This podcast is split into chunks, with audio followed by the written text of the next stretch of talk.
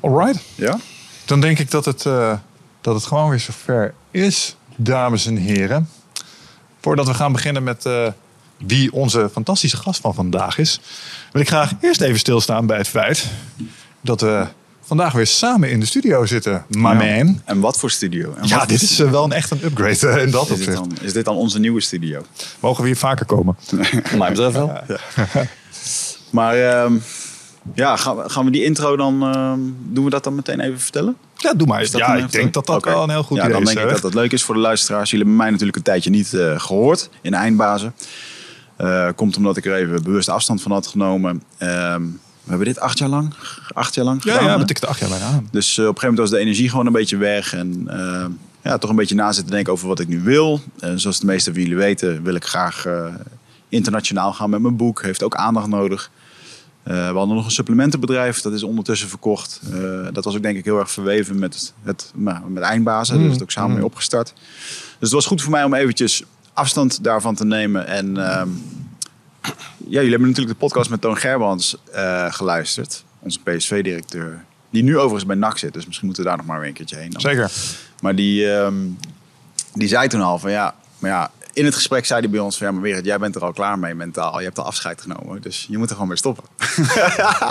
Hij heeft het voor jou ingevuld. Ja, hij heeft dat wel goed gezegd inderdaad. En, ehm, of tenminste, ik vond wel dat hij daar een punt had. En, ehm, ja, toen heb ik er gewoon eventjes afstand van genomen. En toen, toen merkte ik toch, toen jij op een gegeven moment... Ik zie natuurlijk de gasten die voorbij kwamen. Dat ik dacht, ja, maar dit is wel... Ja, shit, ik mis dit toch wel. En dan moest ik echt even een soort van controle in loslaten. Nu heb ik dat helemaal niet meer. Neem het lekker op, doe lekker met al die gasten. Vind het helemaal prima. Er is overvloed in dat wat dat betreft. En, eh, maar ik merkte wel heel erg van ja... ehm, eh, je kan wel internationaal willen, maar ik mis nog steeds heel erg dan de gesprekken met eh, interessante gasten en de dingen die we kunnen doen met eindbazen. En ehm, er lopen gewoon nog steeds heel veel interessante eindbazen in Nederland rond. En ja, ik miste gewoon de, de positieve gesprekken, de, de lol erin. En, en ik denk dat dat het allerbelangrijkste is. Ehm, dat we misschien van eindbazen een soort van content, fabriek, bedrijf, ah, weet je, alles om het professioneler te maken. Maar de kern was gewoon dat we gewoon toffe gesprekken wilden voeren en lol wilden maken. En, ehm, en ik geloof dat ik die vibe weer terug heb gevonden. Ja, man. Dus Nou, eh, Sowieso, ik zei het al toen je het eh, aan mij vertelde. Ik ben natuurlijk zielsgelukkig dat je gewoon eh, lekker, lekker aan boord blijft. Ehm, het sluit ook helemaal internationale dingen niet uit, wat mij betreft. Ik heb altijd gedacht dat dat wel parallel zou kunnen. Maar ik vind het ook een mooi voorbeeld van... Hoe heet die directeur nou van Virgin? Man in witte pak. Richard Branson? Ja, Richard Branson. Die heeft een mooie quote. Zegt, don't quit, rest.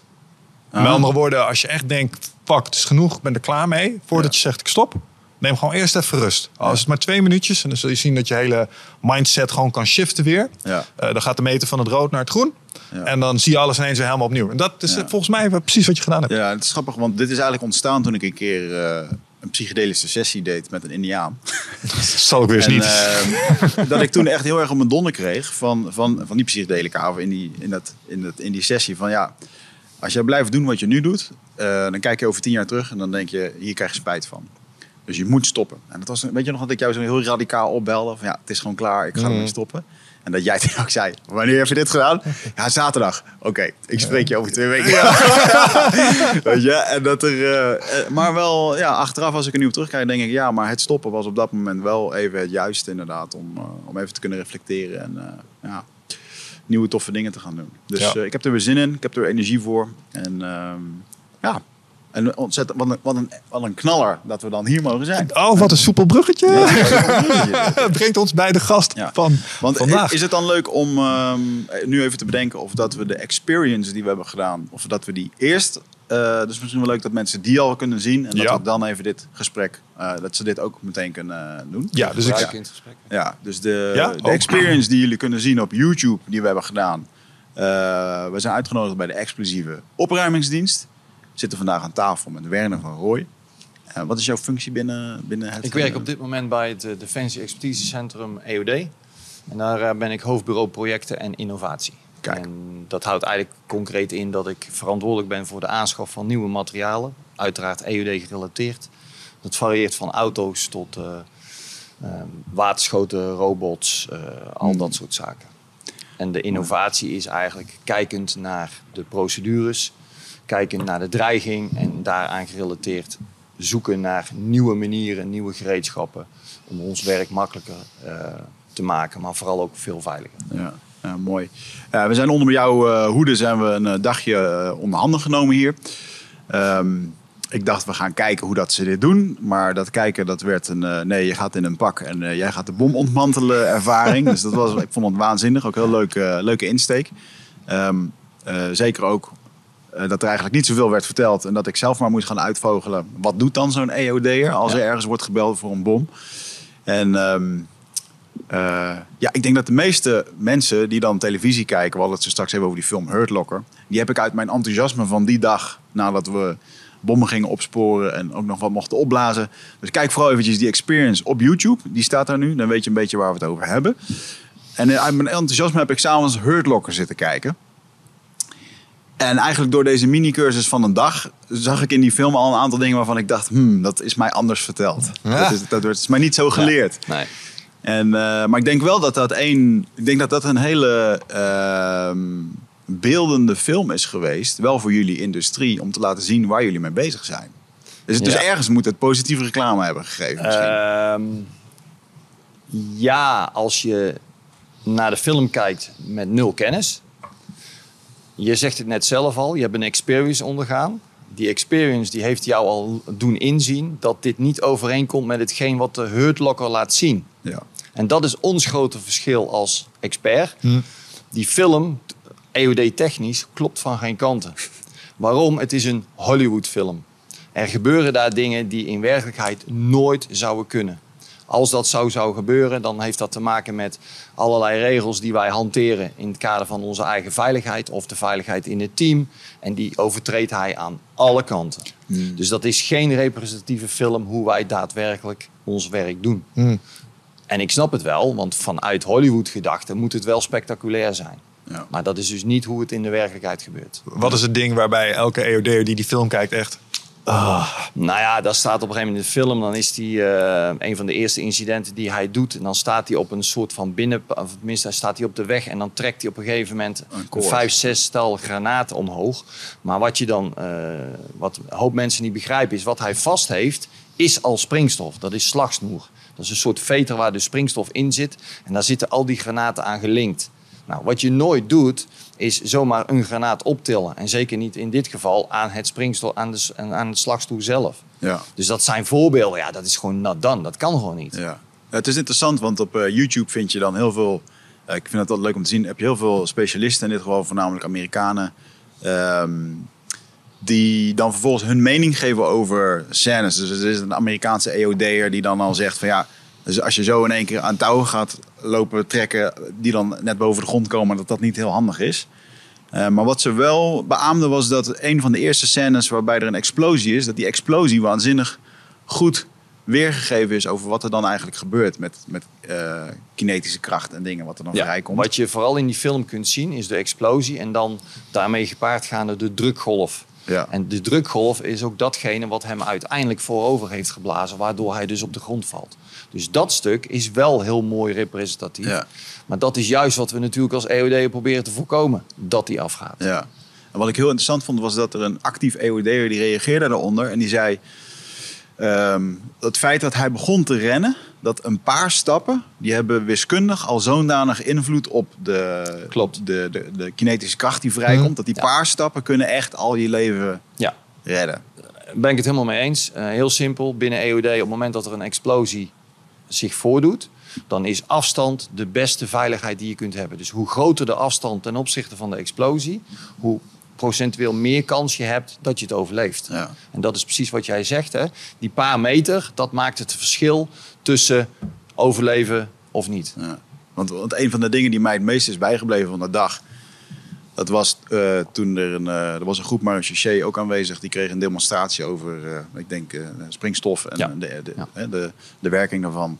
Of het effect ervan. En dat wij op een gegeven moment achter een behoorlijk bebost bos stonden. En wij onze oren dicht moesten doen, want er ging eventjes iets af. Mm -hmm. In twee verschillende um, volumes. En die eerste was gewoon, nou dat was best flink. maar die tweede die was echt, en dat er echt door dat bos een onzichtbare drukgolf Ja. door ons heen ging. Dat ik echt dacht van, wauw man, dit is, dit is echt En, bizar. En, en die drukgolf, dat is dus hetgeen wat in de hurtlocker die man voorover drukt. ja. En die drukgolf, die gaat, door, die gaat eigenlijk door alles heen. Klopt. Zelfs door, ja, door stenen, door Ja. dingen. Hmm. Ja, dat Dus het is niet zozeer het vuur of de bal, Nee. nee. de hitte Nee. die zo'n explosief zo dodelijk maakt. Ehm, ja, goed, je moet de- de scheikunde induiken en dat helemaal in, in hè, scheikundig ontleden. Er komen een aantal werkingen komen erbij kijken. Maar het is met name op afstand de drukgolf die de schade veroorzaakt. Ja, Ja. klopt. En het vuur, ehm, ja, in sommige gevallen eh, zie je niet eens vuur of heel weinig.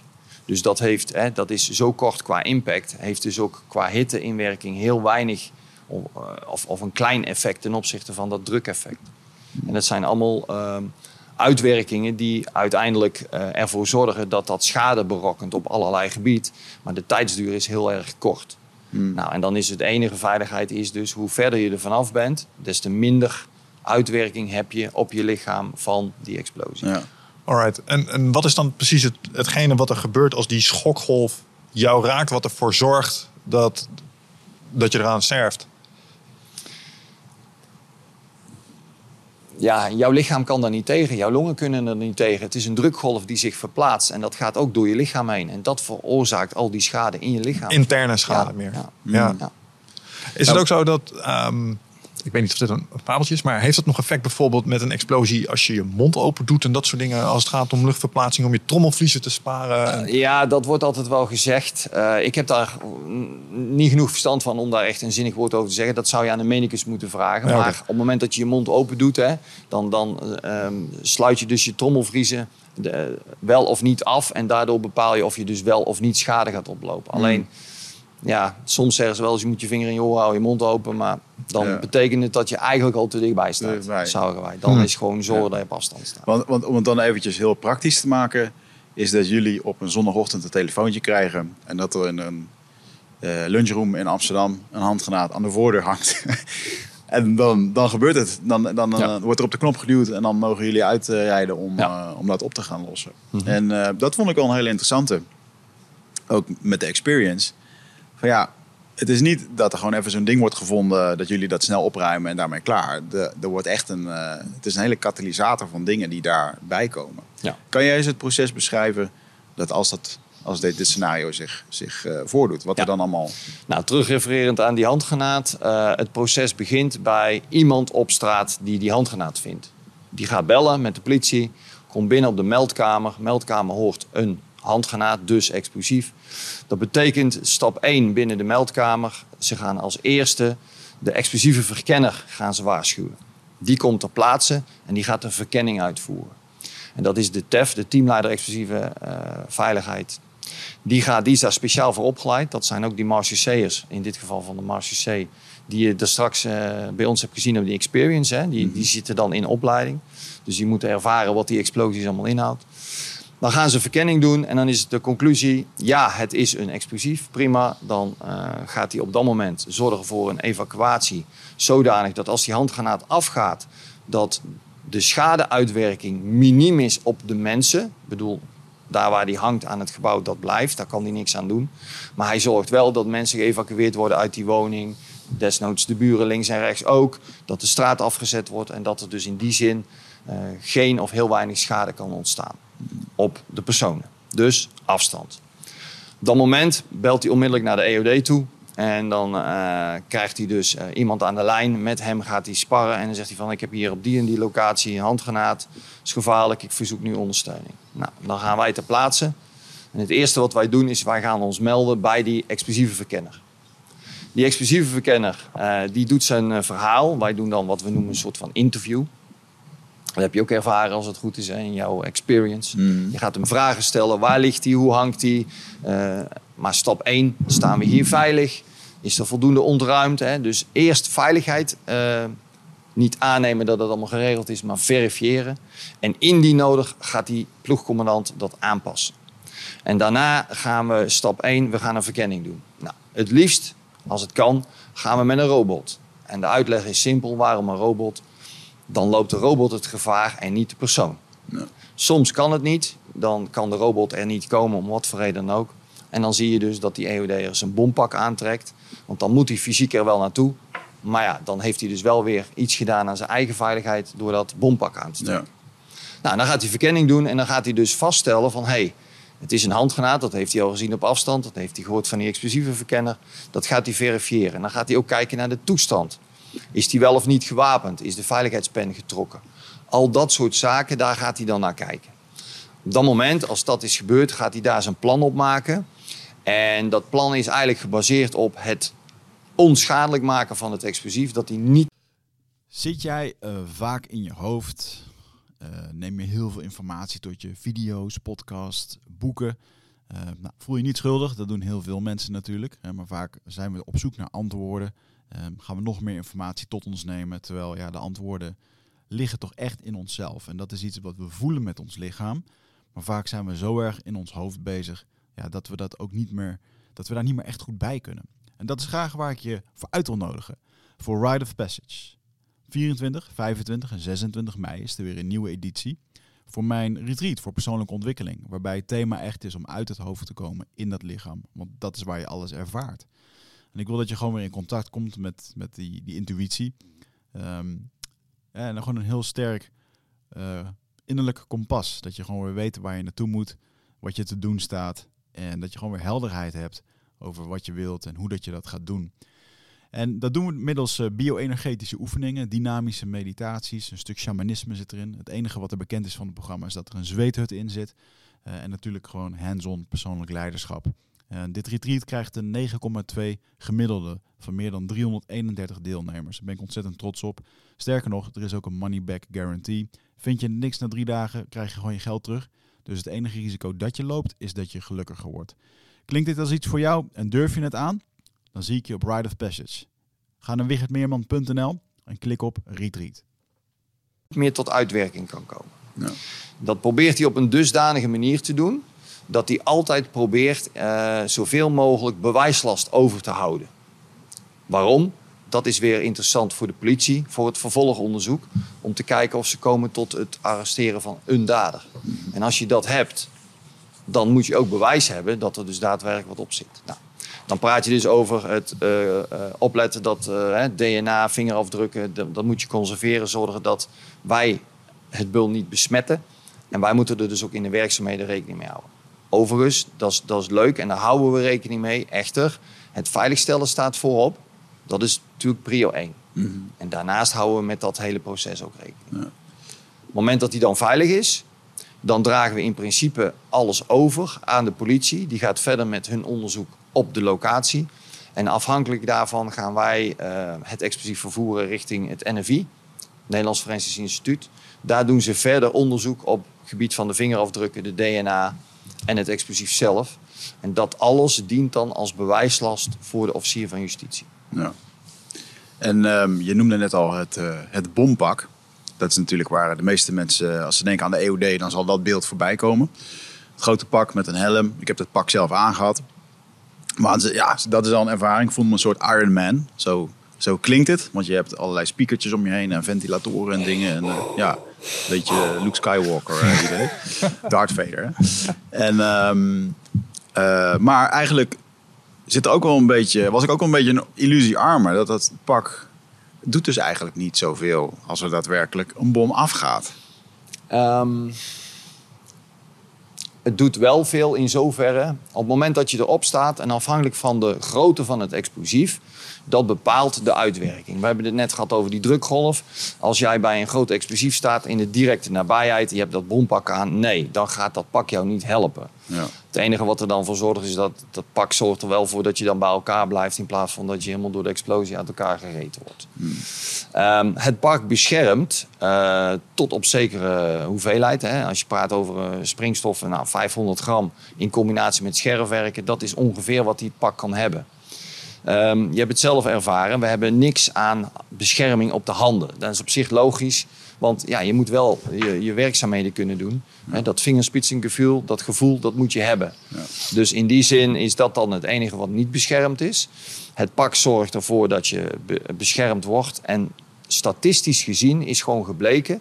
de meeste ongelukken gebeuren op het moment dat je naar de bom toeloopt... of dat je van de bom afloopt. Wow. Dat is ook de reden waarom je met name de voorkant heel eh, zwaar eh, beschermd is. En dat er op de rug eigenlijk veel minder bescherming zit. En dat is ook de reden waarom je dus naar de bom toe loopt. En als je weggaat, dan loop je dus in de eerste meters loop bewust achteruit om die reden. Omdat daar dus de, de bescherming het meest is aan de voorkant. Nou, en dan draai je om en dan loop je het weg. En, en hoe, hoe komt het dan dat het statistisch is zo bepaald is dat je... Wat is de aanloop of de, het weggaan? Wat, wat hangt daar mee samen dat een bom dan afgaat? Ehm, nou ja, dat hangt natuurlijk af van de soort ontsteking. En ehm, ja, het is een beetje afhankelijk wat voor doel, wat voor soort bom. Ehm, maar je kan je voorstellen als ik eh, eh, vanuit allerlei overwegingen een bom ga plaatsen om de aandacht te vragen door een radicale groepering, dan uh, is het 9 van de 10 keer is het materiële schade die ik wil berokkenen. En daarmee wil ik aandacht vragen voor mijn groepering waar ik voor sta. Nou, dan heb je dus te maken met een tijdsvertraging.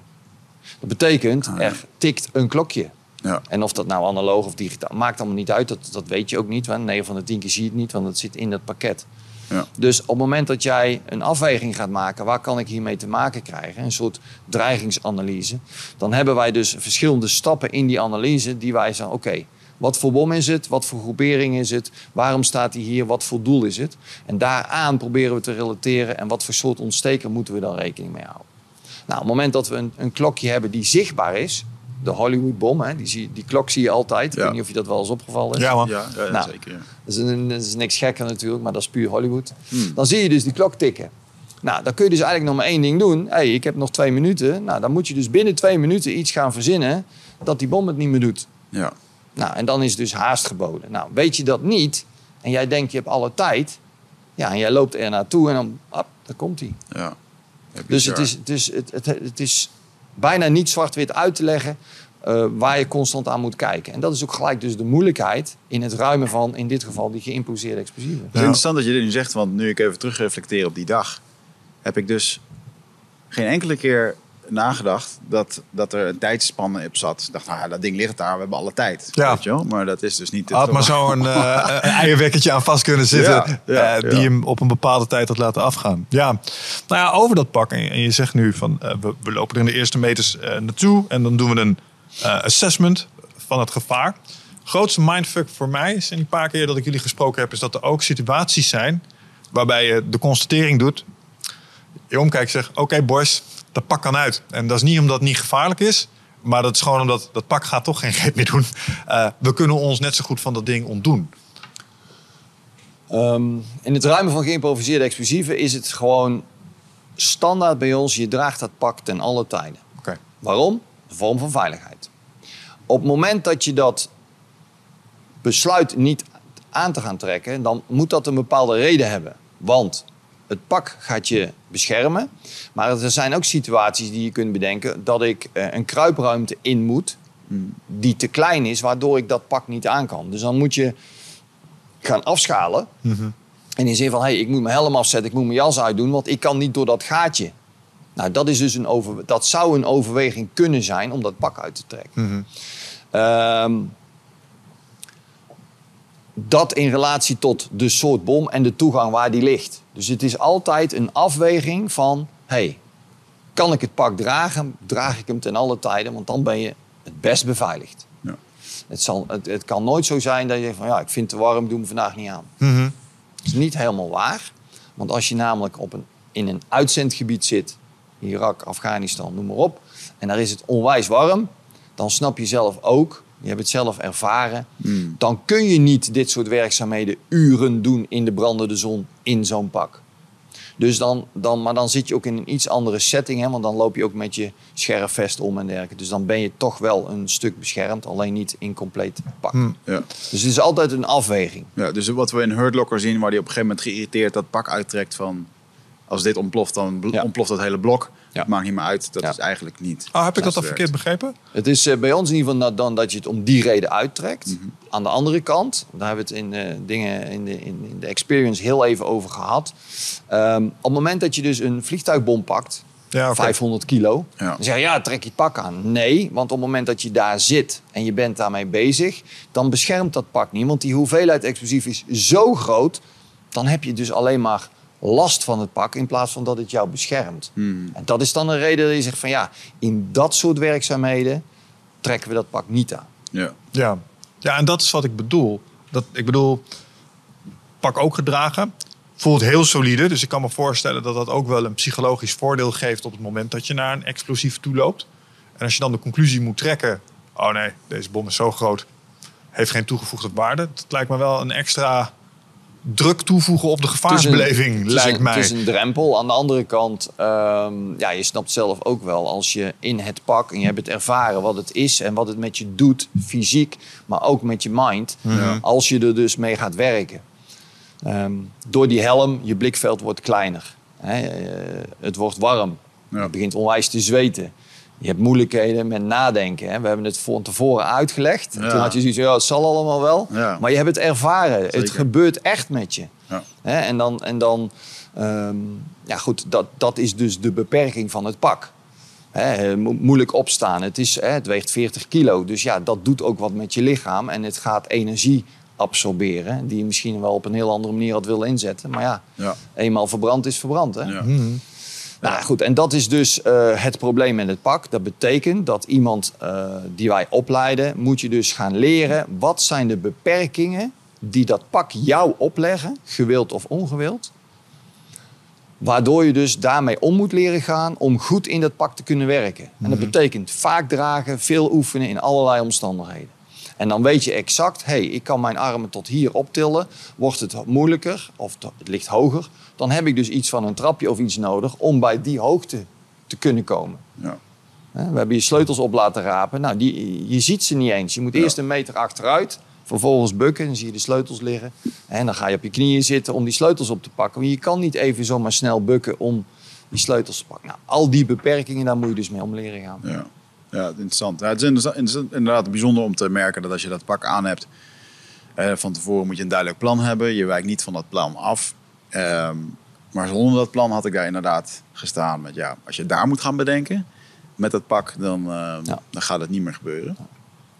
En ehm, wat voor mij wel heel fijn voelde was ook gewoon, ja, je gaat gewoon die drie dingen doen en that's it. En dan merk je eigenlijk al dat die drie dingen die je dan moet doen, eh, dat, dat was al meer dan genoeg dan de opdracht. Ja. Als je daar, eh, Maar je snapt ook waarom je die afspraken maakt met jouw ploeglid a- die achterblijft. Hè? ja, Hij moet weten, waar zit jij, in welke fase van de ruiming zit jij. En als je die, a- die stappen met hem afspreekt en jij komt terug... Het eerste wat hij aan jou vraagt, heb je die drie stappen gedaan die we hadden afgesproken? Ja, Ja. oké. Dan heeft hij dus nog steeds hetzelfde beeld als wat jij hebt. Ja. Omdat jij daar te plaatsen bent. ja, ehm, ja dat inderdaad. eh, Maar wat, ik ook, heel- wat me ook heel erg opviel, en wat me eigenlijk niet zo heel bekend was, was dat jullie doen dit gewoon dagelijks. Ja. Het is niet dat jullie de hele dag aan het trainen zijn en een beetje op die kazerne aan het landvanten zijn.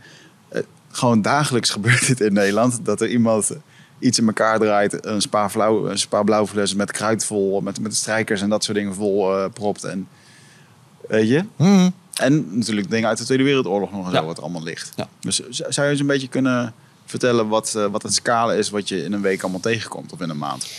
Ehm, nou, om te beginnen hebben we gemiddeld een 2.500 tot 3.000 meldingen per jaar. Die meldingen die variëren van een, een handgranaat, een granaat, een kleine kogel tot een vliegtuigbom.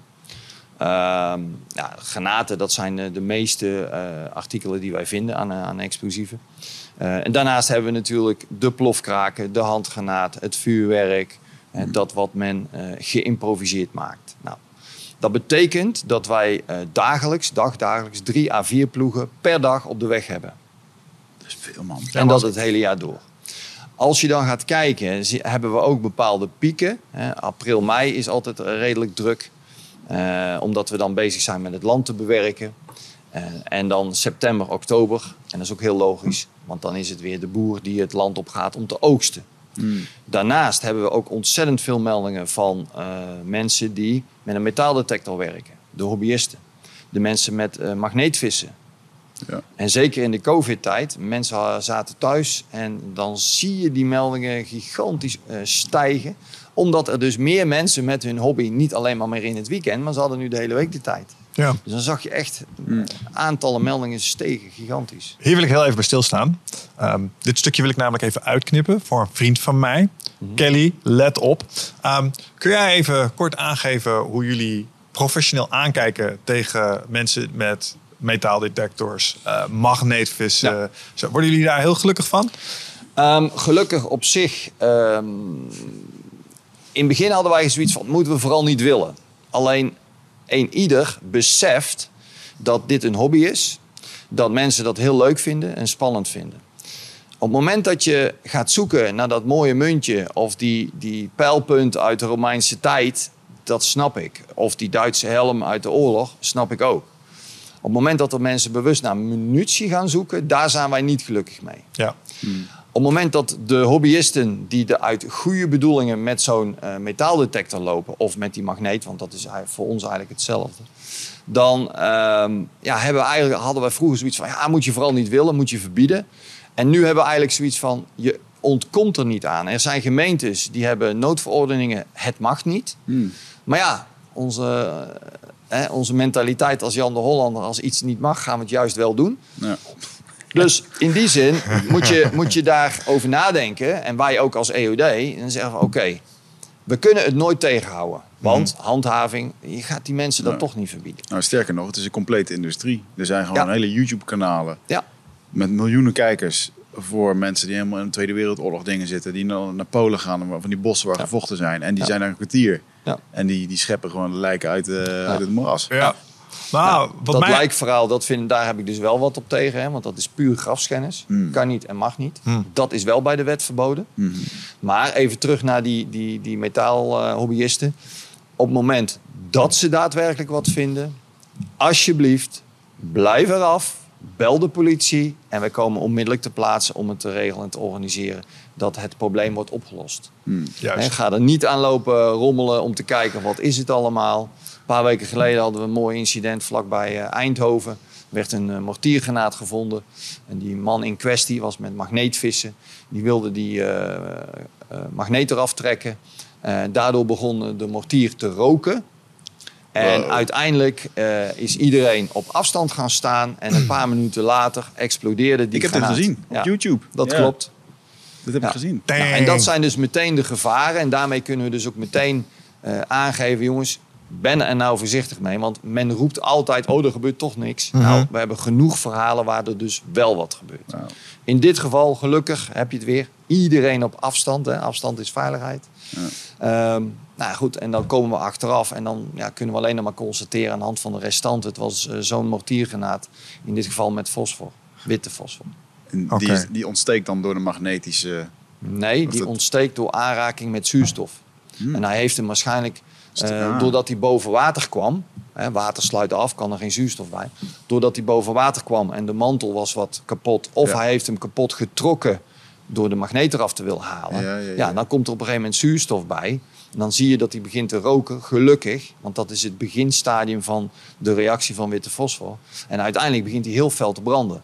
Het nadeel daarvan is, er zit een explosieve lading in. Want in werkelijkheid is die mortier bedoeld om met voorzien van een ontsteker... op het moment dat die afgeschoten is, in de lucht raakt hij de grond... dan klapt er een kleine explosieve lading. Daarmee barst hij dus de wand open, komt die fosfor vrij... en dan ontsteekt hij omdat er zuurstof bij komt. Hm. Nou, zo zie je dus dat, je, dat mensen op die manier ja, ontzettend veel geluk hebben gehad. Ja. Zijn er wel eens gevo- gewonden gevallen? Op die manier onder ja, zeker burgers? wel. Ja. Alleen ehm, gelukkig krijg je, gelukkig, wat je ziet is dat mensen, verzamelaars, die vinden wat, nemen alles mee naar huis of kopen ergens iets. En die vinden dan van ja, ik wil er gewoon inkijken. Dus wat doen ze? Thuis bankschroef en dan gaan ze zagen. Ja, en dan is het eh, heel Waarom? vaak. eh, wel? Dit nou klinkt ja, ook wel een klein beetje als natuurlijke selectie, eerlijk gezegd. Ja. Ja, maar goed, eh, het is wel knap vervelend als jij dus eh, in een schuurtje komt waar iemand heeft staan zagen, een scherfje in zijn borst hebt gekregen, hartstikke dood is. Ja. En jij staat daar in een ruimte en dan, eh, nou, vaak is dan het stoffelijk overschot al wel eh, eh, weg. Maar jij staat daar wel in een bebloede omgeving en nou, ga maar eens kijken wat er verder nog is gebeurd en wat Ah, er ja. ligt. Heftig. Dus ja, er gebeurt best wel het een en het ander. Ja. Plus nog de, de kettingreactie. Ik sprak van de week iemand die eh, had vier boerderijen vlak bij ons in de buurt. En dat is op een gegeven moment door een gasexplosie zijn die vier boerderijen die aan elkaar zaten, gewoon compleet weggevaagd. Hm. Gewoon Alle vier. Alle vier, gewoon wat langs elkaar stond door een gasexplosie, weet je wel. Mhm. Dat is te bizar. Dat, Ja. Het kan gewoon gebeuren. Het kan Ja, gewoon een katalysator zijn. Van, Ja, eh, ja. dus ik ben- ook wel erg benieuwd, want jij zei dus straks, als we zo'n handgranaat vinden aan de deur, en kijken of dat de pin eruit is. Ik zou denken, ja, een handgranaat.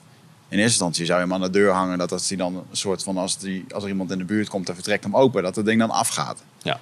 Maar schijnbaar worden die dingen ook gewoon in zijn compleetheid daar neergelegd en zo van. Ja, en puur te manipulatie. Ja. Van let op, we hebben je in, in het snotje en ze maken een dreiging. Hmm. Kijk, en dan onderling, en die verhalen die, die kennen wij natuurlijk niet, maar achter de schermen om. Het wordt puur gebruikt als afdreiging.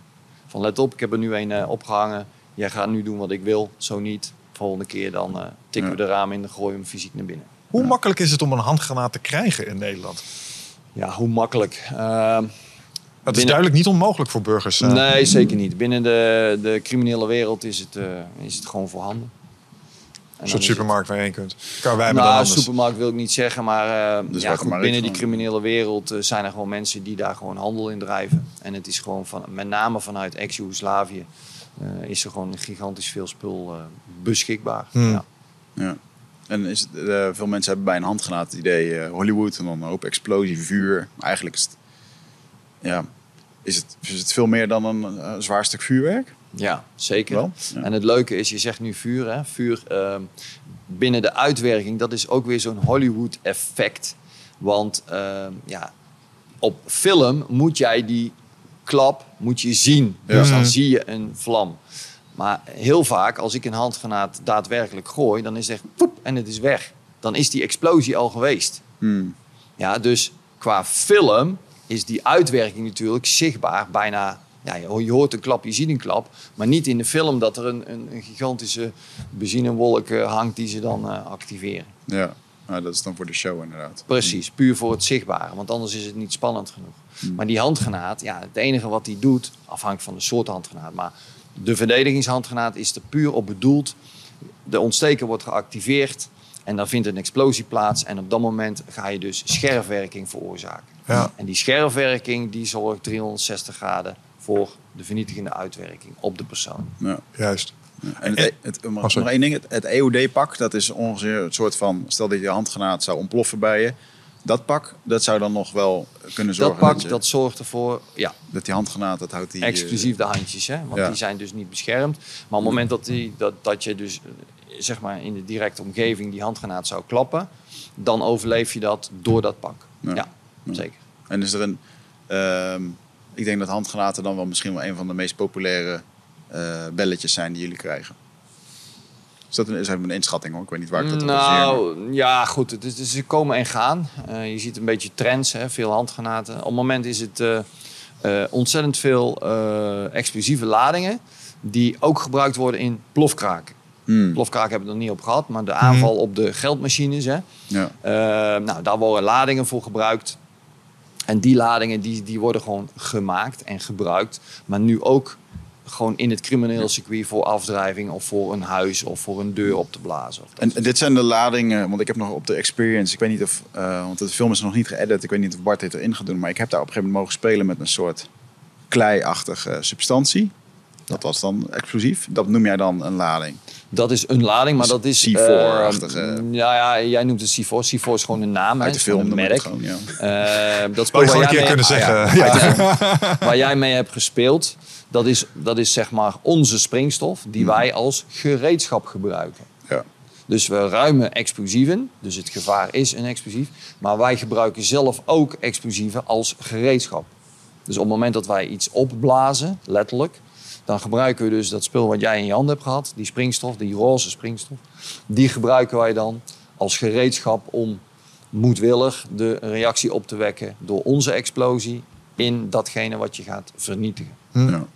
Ja. Maar even terug naar die plofkraak, hè? omdat je zei dat ehm, je hebt iets verteld over hoe die dingen eh, worden gemaakt. Ik weet niet of we het daarover kunnen hebben in relatie tot vuurwerk. Ehm, en ik vroeg me ook nog even af hoe, ehm, of jullie daar wel eens mee te maken krijgen. Dus ehm, ik, ik weet niet, in sommige wijken in Deventer, als je naar het nieuwjaar komt, daar worden dingen afgestoken en dat, dat voel je aan alle kanten. En dat Ja. zijn echt ontzettend grote explosies. Ehm, Hebben jullie daar ook mee te maken binnen jullie werk? Ja, zeker. Ehm, vuurwerk eh, aan zich ehm, heb je een bepaalde categorie in Nederland die wij als burger mogen gebruiken. Op het moment dat je vuurwerk hebt, de befaamde cobra's, die mag je als consument, als persoon niet gebruiken. Dat mag alleen een professioneel bedrijf die vuurwerkshows verzorgt. Maar wij als burger kunnen en mogen dat niet kopen. En toch hebben we het veelvuldig voorhanden. Nou, dat is dan het illegale vuurwerk. Wat dus volgens de wet niet gebruikt mag worden door ons als burger. Dat is in principe, op het moment dat je dat vindt, is dat een probleem van de politie. Tot het moment dat dat vuurwerk op een geïmproviseerde wijze is gebruikt. Op het moment dat die cobra daar ligt met zijn lontje en die politie treft dat aan, dan kan de politie dat zelf in hun eigen kanalen afvoeren. Maar op het moment dat het diezelfde cobra tegen een, een, een uh, brandlading is geplakt met een stuk tape, dan is dat een geïmproviseerd explosief. En dan de politie kan en mag daar geen handelingen aan verrichten. En dan betekent dat automatisch dat wij dat gaan doen. En daar zit de scheiding. Ja. Dus is het regulier illegaal vuur, of redelijk, ik zeg het verkeerd, is het illegaal vuurwerk. Maar er is verder niets gemanipuleerd. Ja. En het is te herkennen en dan kan de politie dat normaal afvoeren. Op het moment dat het dus op een of andere manier gebruikt is, hè, al is het met tape op een raam geplakt, of eh, met andere woorden, de politie zou handelingen moeten verrichten aan dat explosief om daar iets mee te kunnen, dan betekent dat automatisch dat wij dat gaan doen. En dat illegale vuurwerk, dat is dus tevens de bron waar men dus de explosieve stof vandaan haalt. Want wat ze doen is ze maken het open en ze ver- herverpakken het en gaan daar andere doeleinden mee eh, tegen gebruiken. Zeg maar. Ja, daar heb ik me wel over verbaasd. Over hoe laagdrempelig dat eigenlijk is. En hoe beperkt de middelen zijn die je nodig hebt om iets te improviseren. En hoe heftig bijvoorbeeld iets als een cobra eigenlijk is. Als je kijkt naar wat je er mee kunt doen. Als je, nou ja, je maakt het open, je haalt het poeder eruit. Maar dan Eh. snap je ook gelijk waarom het dus illegaal is. Er zit dus veel te veel aan explosieve stof in, volgens onze normale regelgeving. En dat is dus het probleem. Ga je naar eh, de fabrikanten in, in de landen om ons heen, ehm, daar waar ik ehm, in land X iets koop, koop ik het als burger legaal. Ik neem het mee naar Nederland en op dat moment is het illegaal, omdat onze regels veel strenger zijn als in die andere landen. Ja. En daar zit dus ook gelijk het probleem. Men kan dus in andere landen het zo kopen. Men gaat het transporteren en eenmaal over de grens overtreed je de Nederlandse wet. Ja. Ja. Pleiten jullie nog een beetje voor een soort Europese wet die daar eh, wat van vindt, of niet? Nou ja, eh, Wordt daarvoor gelobbyd? Wij aan zich niet, maar eh, er is een hele werkgroep die daar zich heel erg druk mee maakt. En inderdaad, dat zou heel erg mooi zijn. Alleen ja, ga die landen maar eens overtuigen Ja. dat heel die vuurwerkindustrie van hun, eh, conform onze regelgeving, ja, dingen doet die niet kunnen. Dat, is, dat is gewoon heel erg moeilijk. En de, de ja, dat vraag me af. Nou ja, vroeger had je wel eens van die verhalen van mensen die dan improviseerden, kruid eruit haalden, in een tennisbal stopten en zo. Hoe Tegen toen die 13 was. Nou, dat heb ik eigenlijk nooit gedurfd. Ik heb er wel vaak over na zitten denken. En eh, ik geloof wel dat ik een keer een, een kanonslag uit elkaar gehaald heb.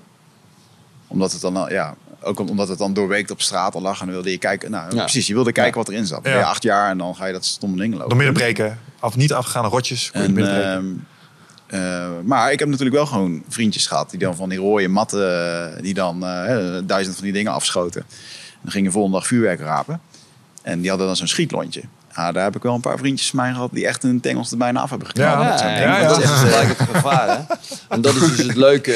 ja, ik heb die dingen ook gezocht vroeger toen ik kleiner was. En eh, eenmaal bij de EOD aan het werk, wetende wat het is en hoe gevaarlijk het is. Ja, eh, resulteert nu in het feit dat ik een gruwelijke hekel heb aan, eh, aan vuurwerk. Ja. Eh, omdat ik weet wat, het- wat het gevaar is. Ehm, wat ik dan nog veel erger vind, we zitten allemaal over stikstof te kletsen. Hè, die boeren moeten met hun eh, stikstof naar beneden en de veestapel moet halveren. Maar eh, wat we eh, 31 januari of 1 januari de lucht inschieten, daar, maakt niemand zich zorgen om. Dan denk ik van ja, waarom dan? Want dat heeft ook met stikstof te maken? Nou nee, dat niet, maar het is wel een stuk verontreiniging toch? Ah, oké, ja, zeker, ja. Dus ik heb zoiets van, jongens, kom. Wa- hè, kijk Ja. even iets breder. Als alleen maar naar die stikstof. Ik bedoel, er zijn veel meer problemen. Dus al, dat alleen al is voor mij een reden om te zeggen...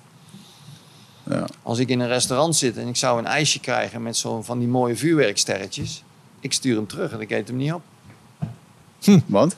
Dat is gewoon... Dat ja, ding dat brandt, Ja. maar die restanten vallen wel op je ijsje. Ja. Is niet lekker, is niet goed voor je bedoel je. Nee. Kan je beter gluten, kan je beter gluten eten? Ja, ja, dat ijsje zal prima smaken, hè, maar vooral niet die sterretjes erop zetten. Hmm. Interessant. Goed, dat is het mijn wel feestelijk Ja. Ik snap het. Ja. Ja, de- Ja. maar goed, dat is persoonlijk. Hè? Hmm. Ja. Ja. En de, maar, de, maar nog eventjes terugkomend op het eh, zelf fabriceren van, eh, van ellende. Ehm, ja, dat, dat gebeurt dus ook. En ik denk dat heel veel mensen, inclusief ikzelf, vroeger die ideeën hadden over... Het is een, het is een bepaald avontuur, hè? het is eh, spannend of het is cool. Te veel films gekeken waarschijnlijk. Ehm, hoe, hoe, als het gaat om de meldingen die jullie krijgen, hoe, wat is het percentage van mensen die zelf het in elkaar geflanst hebben? En, eh, Ehm, Die daar op een gegeven moment nou ja, vanaf Ik heb net gezegd, hè, of gevonden 2500, 3000 meldingen per jaar. Gemiddeld zit je aan de, rond de 300 meldingen eh, per jaar... waar eh, dus die geïmproviseerde explosieven bij komen kijken. Echter, door de jaren heen zie je dat die aantallen wel iets omhoog zijn gegaan. Waarom? Men maakt heel veel gebruik van vuurwerk. De politie kan daar niks mee, dus wij krijgen die meldingen automatisch. ja. Ehm, dus dus ehm, vroeger zag je eh, maar heel beperkt aantal meldingen. Dan was het echt terrorisme gerelateerd of de hobbyist met kennis. Alleen tegenwoordig is die kennis ook Mhm. Ik bedoel, internet, alles digitaal. Ja, zoek, zoek het maar op. En, eh, Je kan het gewoon vinden. Ja, je kan gewoon alles vinden. En wat, is de rest van het diagram in percentages van die 3000 meldingen? Ehm, nou ja, dat zijn met name de meldingen explosief. Hè? Dus eh, de explosieven uit de Tweede Wereldoorlog, variërend van een, een, een handgranaat, een granaat, eh 50, 60 bommen per jaar, vliegtuigbommen, de grote jongens. Ehm, ja, die dus gewoon gevonden worden. En dus dan zie je dus een, een mengeling aan explosieven. Hm. Verschillende, ja. Interessant. Hey, ehm, laten we eens ehm, kijken naar het profiel van een EOD'er. Ehm laten we eens beginnen bij jou. Want eh, ik ben wel even benieuwd. Welke rollen heb jij eigenlijk zelf allemaal bekleed binnen de EOD? Oeh. Ehm, Alles. Nou ja, bijna zou ik zeggen ja. Ehm, ik ben begonnen in 1987 eh, bij de basisopleiding EOD. Om aan die opleiding te mogen beginnen, had ik de pech of het geluk, dus maar net hoe je het wil bekijken, dat er voor de eerste keer een assessment werd gehouden eh, over de eh, geschiktheid van de persoon om opgeleid te worden tot EOD'er. Tegenwoordig, assessment is een heel mooi modern woord. Maar toen de tijd, wij gingen testen doen. Wij noemden het niet eens een assessment. Maar het kwam er eigenlijk op neer dat wij dus eh, dagenlang eh, door de mangel zijn genomen eh, over technisch inzicht als persoon, psychisch, nou ja, noem het maar op. Ehm, al die testen die hebben we gedaan en dat geeft dan iets aan op een bepaald niveau van hey, jij voldoet daar en daar aan. Prima. Nou, dan krijg je allerlei gesprekken nog met, met wat mensen. En dan uiteindelijk is er een eh, schifting geweest. We waren met 14 mensen. Er zijn er uiteindelijk twee van overgebleven. En ik was de laatste die afgevallen was. En dat is heel raar. Want uiteindelijk, drie maanden later, toen die opleiding begon, toen werd er snel gebeld van let op, wij gaan uitbreiden. Jij bent nog steeds geschikt. Alleen in dat rijtje van toen was ik nummer drie. Bij deze mag je alsnog. Dus ik ben met die nummers 1 en 2 zijn we samen een klas begonnen. EOD. Niet Ja. begonnen, wij waren de leerlingen. Nou, en dan is het een kwestie van eh, negen maanden eh, opleiding. Eh, waarbij je dus begint met de basisprincipes. Wat is een explosie? Wat is een explosief? Hoe werkt dat? Vervolgens ga je dat terug relateren naar soorten explosieven. Daarna ga je praten over geïmproviseerde explosieven. En dan ga je praten over de gereedschappen. En wat kun je er allemaal tegen gebruiken om het allemaal weer veilig te stellen. Nou ja, en dat resulteerde in 87 tot eh, dat ik eh, geslaagd was eh, voor de opleiding en als zodanig aan het werk ging. Dat betekent dus dat ik een van de ploegleden was. Mhm. Je hebt al een paar keer het woord ploeg gehoord. Eh EOD in- werkt in principe met z'n tweeën. Een ervaren ploegcommandant en daarnaast iemand die, net als ik op dat moment, net uit de opleiding, hup, met zo'n ervaren iemand ga je de weg op en dan ga je zoveel mogelijk werken.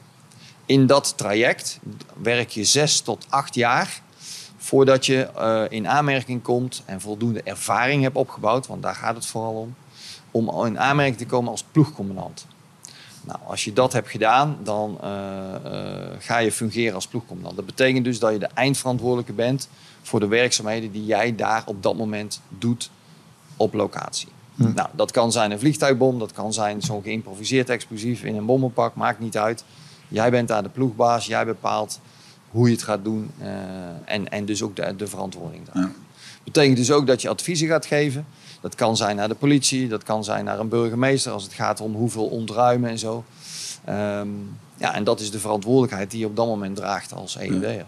Nou, want jullie kunnen gewoon, dat wat vond ik ook een interessante, eh, dat jullie kunnen gewoon een luchtruim eh, sluiten. Mm, Nee, wij kunnen het advies geven. Ah, oké. En dat advies kunnen we onderbouwen. Mhm. En op dat moment als we dat doen, dan zeggen we van joh, wij gaan nu eh, ehm, deze bom ruimen. We hebben een scherpe gevarenzone van eh, zoveel honderden meters. Prima, maar dat betekent ook naar boven zoveel honderden meters. Dus dat luchtruim in directe omgeving van een vliegveld. Dan is het een kwestie van even aangeven van joh, ik zou adviseren dat.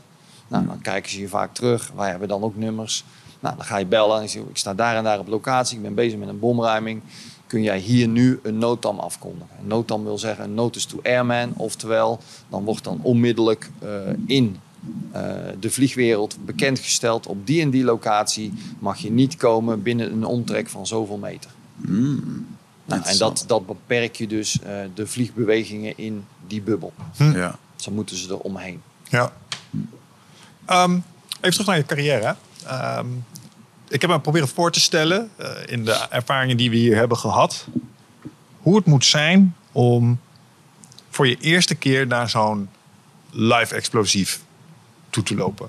Eh, voor het echi. Ja. Ehm, ik vermoed dat het een klein beetje is als je eerste vriendinnetje. Eh, dat is misschien iets wat je nooit meer vergeet.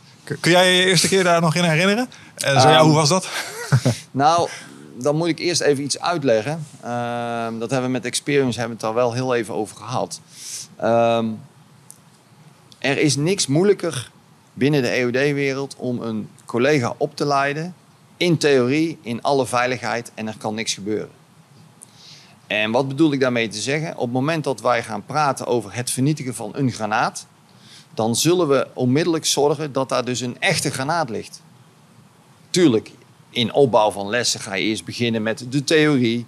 Dan ga je eh, spelen en werken met, met oefenmiddelen, zodat je al die procedures beheerst. Maar dan komt er een moment, dan ga je, ondanks dat je cursist bent, ga je dus fysiek naar een explosief toe. Ja.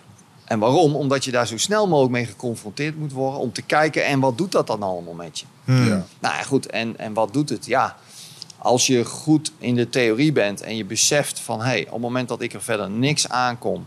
Hè, die granaat die daar ligt... ehm, ik kom er verder niet aan... dan is er in principe niks aan de hand. Dat is ook de reden waarom we tegen die magneetvissers zeggen... jongens, blijf eraf.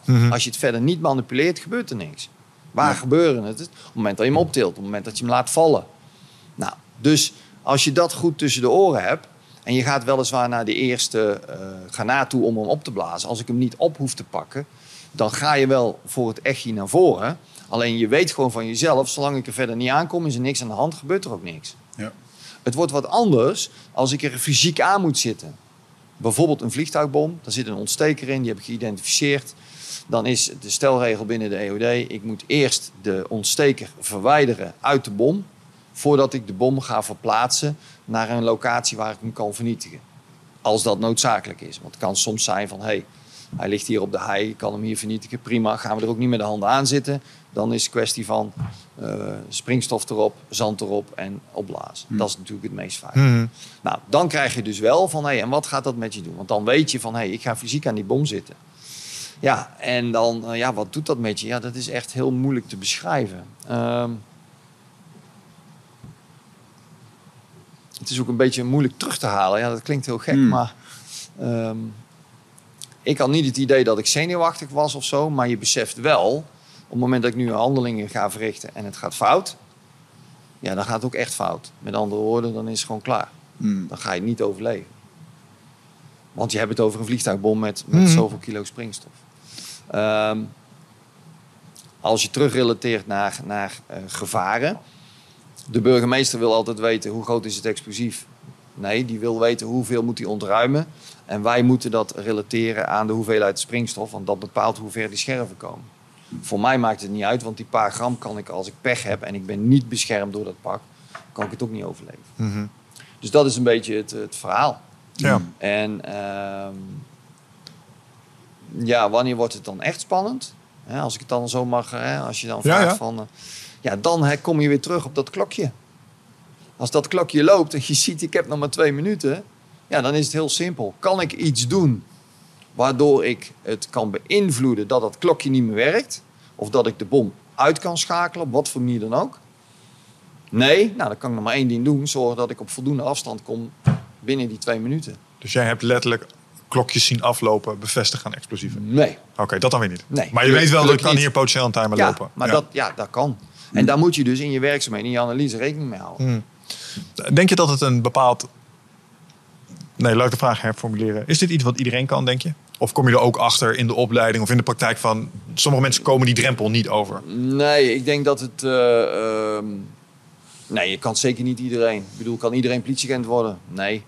Eh, maakt niet uit wat voor voorbeeld je pakt. Er zijn altijd voorbeelden waarop mensen dat niet kunnen. Vanwege de persoon wie ze zijn. Hè, eh, nou ja, goed, Wiegert, eh, jij, jij zit een beetje in die business als het gaat in, in de rimboe, de jungle en wat ga je daar allemaal doen. Kan iedereen dat? Nee, tuurlijk kan dat niet iedereen. Het gaat om jou, het gaat om de mindset, het gaat om de kennis. Nou, die kennis bepaalt wat je kunt. Nou, EOD, we gaan dingen leren. Maar er zijn momenten dat ehm, met name dat geïmproviseerde, het werk in dat bompak, ehm, daar sneuvelen een hele hoop mensen. En dat is heel simpel en makkelijk uit te leggen. Op het moment dat je een explosief hebt uit de Tweede Wereldoorlog, pak een boekwerk, tegenwoordig een database, computer. En dan kan ik exact opzoeken, ik weet welke granaat dit is, welke ontsteker, wat ik er wel en niet mee kan doen. Dus op grond daarvan kan ik ook mijn plan maken van, hé, hey, dit kan ik ermee doen om te zorgen dat die veilig geruimd kan worden. Op het moment dat het geïmproviseerd explosief is, ik weet niet wat jij hebt gemaakt, dan moet ik dus in mijn analyse, in mijn procedures, moet ik daar gaandeweg achter komen. Nou, en op grond daarvan probeer je dus een iets andere benadering. Dat je dus een ui gaat afpellen, helemaal laag voor laag, totdat je uiteindelijk bij de ontsteker komt en dat ding kunt veiligstellen. Blokkeren, verwijderen, eh, noem maar op. Zodat hij dus niet meer kan werken. Nou, en daar heb je geen pasklaar draaiboek voor. Want dat is een kwestie van, hey, in jouw logische volgorde van werken moet jij al die stappen maken zodanig dat hij niet meer tot uitwerking kan komen. Ja. Ja. Nou, en daar zit dus het verschil in. Je hebt geen draaiboek, geen zwart-wit antwoord, zo moet het. Nee. Ehm, iets wat me ook, ehm, eh, wat ik eigenlijk niet had verwacht, maar eh, wat ook een ding is, is dat jullie best wel internationaal werken en ook internationaal samenwerken. Ja. Eh, in de kantine hangt een eh, tof bord met een aantal foto's van jullie collega die op verschillende plekken in de wereld eh, zich op dit moment eh, bevinden. Ja. Ehm, je hebt ook wel iets verteld over je eh, uitzendingen, maar jij bent in dat opzicht ook over de hele wereld heen geweest eh, namens de EOD. Ja. Oké. Ehm, in die carrière zijn er vast, net zoals als wij zouden reflecteren op onze carrière, zijn een aantal momenten geweest dat je denkt: oké, hier stond ik wel echt mijn ding te doen. En dit was moeilijk, maar hier heb ik wel echt een wapenfeit neergezet waar ik achteraf op kan terugkijken. En denk, nou, dit was wel even een bijzondere. Ehm, heb jij ongetwijfeld ook? Ehm, ja, maar dan, dan, dan eh, zijn dat voor mij feiten die eh, niet zozeer met het werk te maken hebben, maar meer met het feit ik heb iets of iemand kunnen helpen. Hmm. Met het probleem explosieven. Wij hebben de kennis, de kunde en de middelen. Ja. En degene die ik op dat moment heb kunnen helpen, was heel simpel. Dat was een boertje in Bosnië met nul kennis. En die staat daar op afstand en die, die ziet en die weet een probleem. We raken met die man aan de klets. En uiteindelijk van, ja, waarom komt u daar en daar niet? Ja, zegt hij, daar staan twee mijnen en eh, ik weet dat. En ik kan dat stuk land niet gebruiken.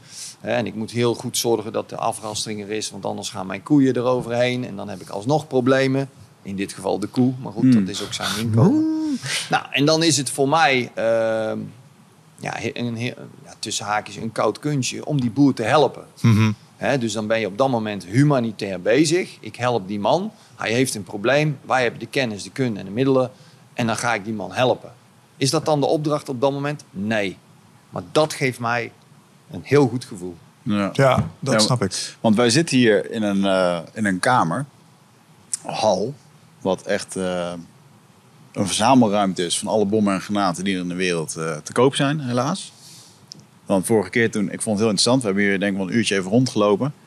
Maar ik liep ook een beetje naar buiten en dacht, ja, het is wel een beetje ook doffe ellende dat dit allemaal er eigenlijk moet zijn. Nou, in Ja. die wereld leven we helaas. Ja. En ik denk ook, het is niet, niet jullie taak om, om dit verder te promoten of wat dan ook. Het is juist jullie taak om het op te ruimen. Dus daarin snap ik de, de Dat is urgentie. het dankbare van ons werk. Ja, eh, om dit op te.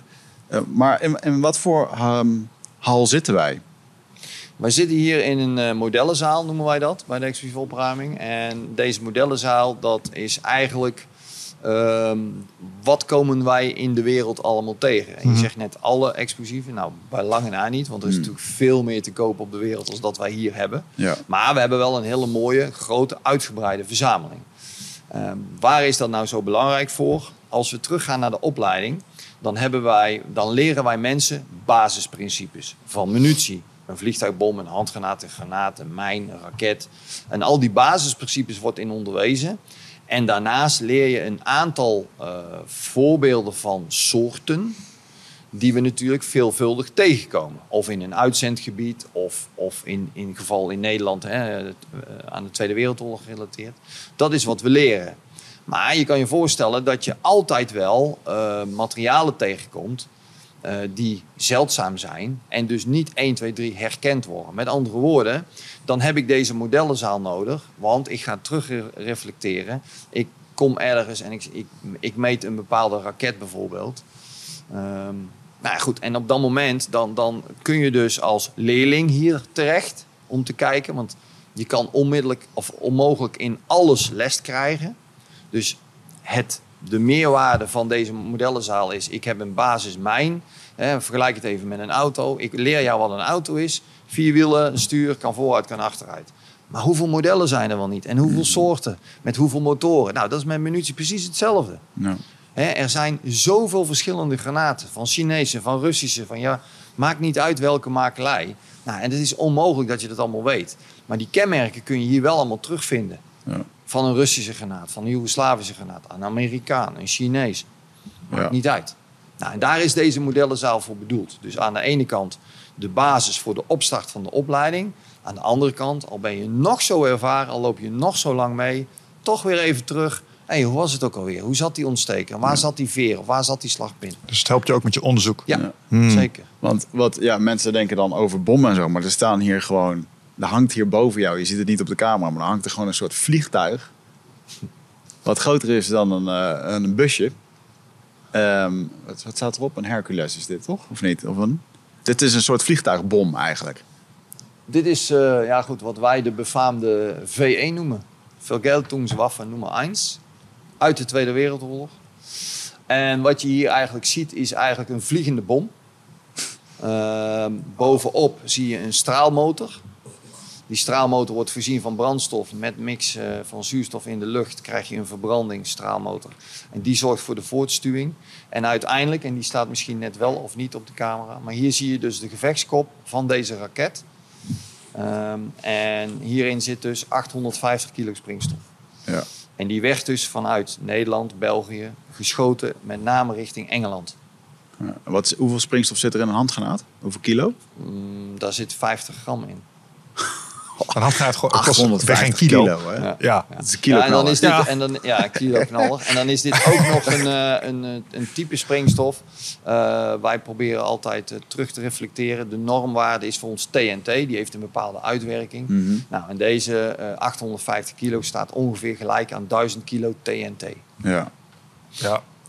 Als je het hebt over dat sentiment wat je had eh, toen je hier wegliep over, jezus, wat een, wat een vernuft hebben we als mensen toch? En wat zetten we toch voor eh, vervelende dingen in eigenlijk? Hmm. En wat kunnen we toch een monsters zijn als het gaat om het bedenken hoe we het mensen zo moeilijk mogelijk kunnen maken? En dat had ik met name bij dat andere stukje eh, Duitse technologie. Dat liet je ons ook zien.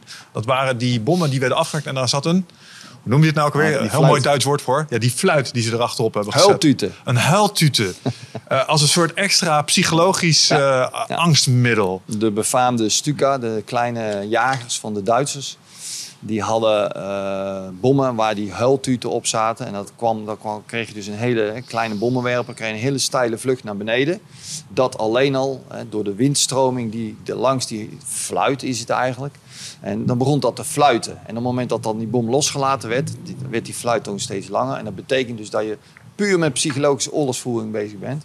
Want iedereen kende dat fluiten, dat was al onbekend. En dan weet je gewoon, er gaat een bom komen. Het enige is, je weet niet waar. Ja, want daar komt de hele eh, meme Ja, ja, vandaan. Dat Ja. is van dat ding. ja. En want dat een normale bom, een normale bom, die hoor je niet. Nee.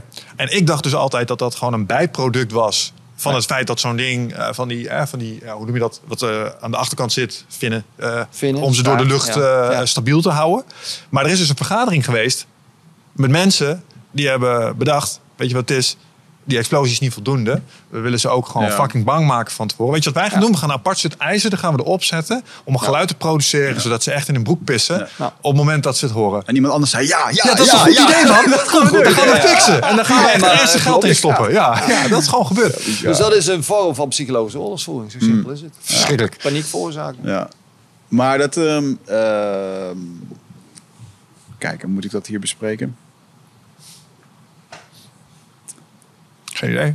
Staatsgeheimen? Ik weet je nog over... Nou, ook een beetje... eh, Die, het is natuurlijk allemaal een beetje hypocriet. Maar we hadden laatst ook bijvoorbeeld die Invictus Games. Waarin eh, gewonde veteranen hun ding mogen doen, hè, sporten. En dat wordt dan gesponsord door eh, wapenbedrijven, de wapenindustrie. Maar ja, die zijn uiteindelijk ook weer verantwoordelijk over hoe dat deze jongens een been zijn verloren of een arm zijn verloren, et cetera. En het voelde een beetje als een soort greenwashing. En hè, want zoals bedrijven nu de groene duurzame jongens uithangen door Mm. gewoon even ergens veel geld in te stoppen. Maar wat me ook opviel was dat ehm, je hebt hier ook Tweede Wereldoorlog knallers liggen. En nu hebben we er wat meer eh, supersonische wapens, de moderne dingen. Eh, die ook al een beetje worden gefabriceerd om niet heel de buurt plat te bombarderen, maar liever alleen dat ene kamertje in dat rijtjeshuis en zo. Ja, En is dat- is dat- collateral damage. Dat ja. is gewoon de evolutie van Ja. de wapenindustrie dan, denk ik. Kan je daar Ja. wat over vertellen? Nou ja, dus eh, letterlijk wat je zegt. Hè. Je kan eh, de grote domme bom, die kan je gooien. Wat vroeger gebeurde in de Tweede Wereldoorlog. Dan had je echt honderden bommen nodig om een vliegveld uit te schakelen.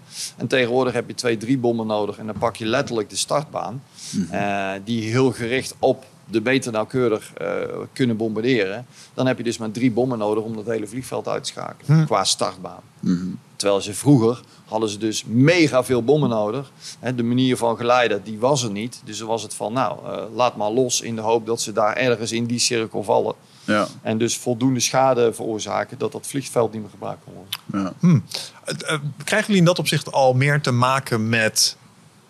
Of ik denk dat dit meer militaire toepassing is, maar ehm, drones. En dan heb ik het niet over de Bactriars, dus de, de, de grote jongens die op afstand schieten. Maar het leek mij altijd super logisch, als je die kleine eh, zeg maar burgerdroontjes ziet. Als je die een niet sterkere motor hebt, ja, die zou je maar zo met een explosief kunnen uitrusten. En Ja, op man. dingen... Op YouTube zie je nu gewoon Oekraïners met een mortiertje eraan hangen. Ja. En eh, dat is gewoon een drone. antwoord is dus ja. Dat is de Ja. drone die jij en ik volgens mij kunnen kopen ergens. Ja, Maar- Oh, ik dacht dat dat echt military grade, eh, Nee, van, die, van nee, een beetje nee, dit formaat. niet. waar, Nee, eh, juist niet. Eh, je zegt het zelf, hè, drones. Drones veelvuldig gebruikt in de Oekraïne. Ehm, en het is heel simpel. Het is een middel om een explosief ergens naartoe te brengen. Ja. mhm. Ja, en wat is mooier? oh, mooier, dat zeg ik verkeerd. Het is een, een manier om een explosief te brengen. En je kijkt op de camera mee en je kijkt van boven. hey, hier lopen tien soldaten. Hup, druk op de knop en eh, het explosief valt naar beneden en klapt in de groep jongens. Ja. Met alle ellende van die. Aha, ik had niet scherp dat dat eh, die kleine drones waren. Ik dacht dat dat vaak van die observatiedingen waren. En dan zie je wat ze vanuit verder afschieten Ja. dan daar landen. Maar dat is Maar het is, ja, het is ook gewoon te bizar dat je dat... Ik bedoel, eh, ja, op YouTube zie je... Je ziet dat gewoon. Dat gewoon ik zag zo'n filmpje van een eh, jongen die dacht zich te verschuilen. Eh, er wordt, een, auto, er wordt een, een bom naar binnen gegooid. In een auto met een open dakje. Die bom die valt letterlijk letterlijk via dat open dakje naar binnen. Toek op De zijn auto schoot. ontploft. Een paar jongens die kruipen er nog uit. Je ziet de jongen naar buiten kruipen. Die doet eventjes een tourniquet om zijn, eh, om zijn been. Waarbij iemand die daar commentaar over geeft nog zegt van... ja, je moet eigenlijk even de tijd opschrijven wanneer je dat doet. Want anders kan je been afsterven. Maar ja, ik snap ook wel in deze situatie dat je daar niet echt... eh, want er hangt gewoon zo'n ding boven. Dat zit nog te filmen wat jij aan het doen bent. Ja, ja, ja, echt ja. Bizarre wereld, Ja, heb je. nog een tweede lading nodig of niet? Ja. Ja. Dus, maar is, dat dan, en is, is, dit dan, is dit dan echt moderne oorlogsvoering? Of is dit een soort van geïmproviseerd amateurisme in het oorlogsvoering? Eh, het is gebruik maken van de middelen die je op dat moment hebt. Ja. Heel Ja. simpel. Ja. En dat is wat oorlog is volgens mij. Ja. Ja. En dan eventjes over de, wat ik wel interessant vond. Je had het net over, eh, ik ben vroeger veel in Azië geweest.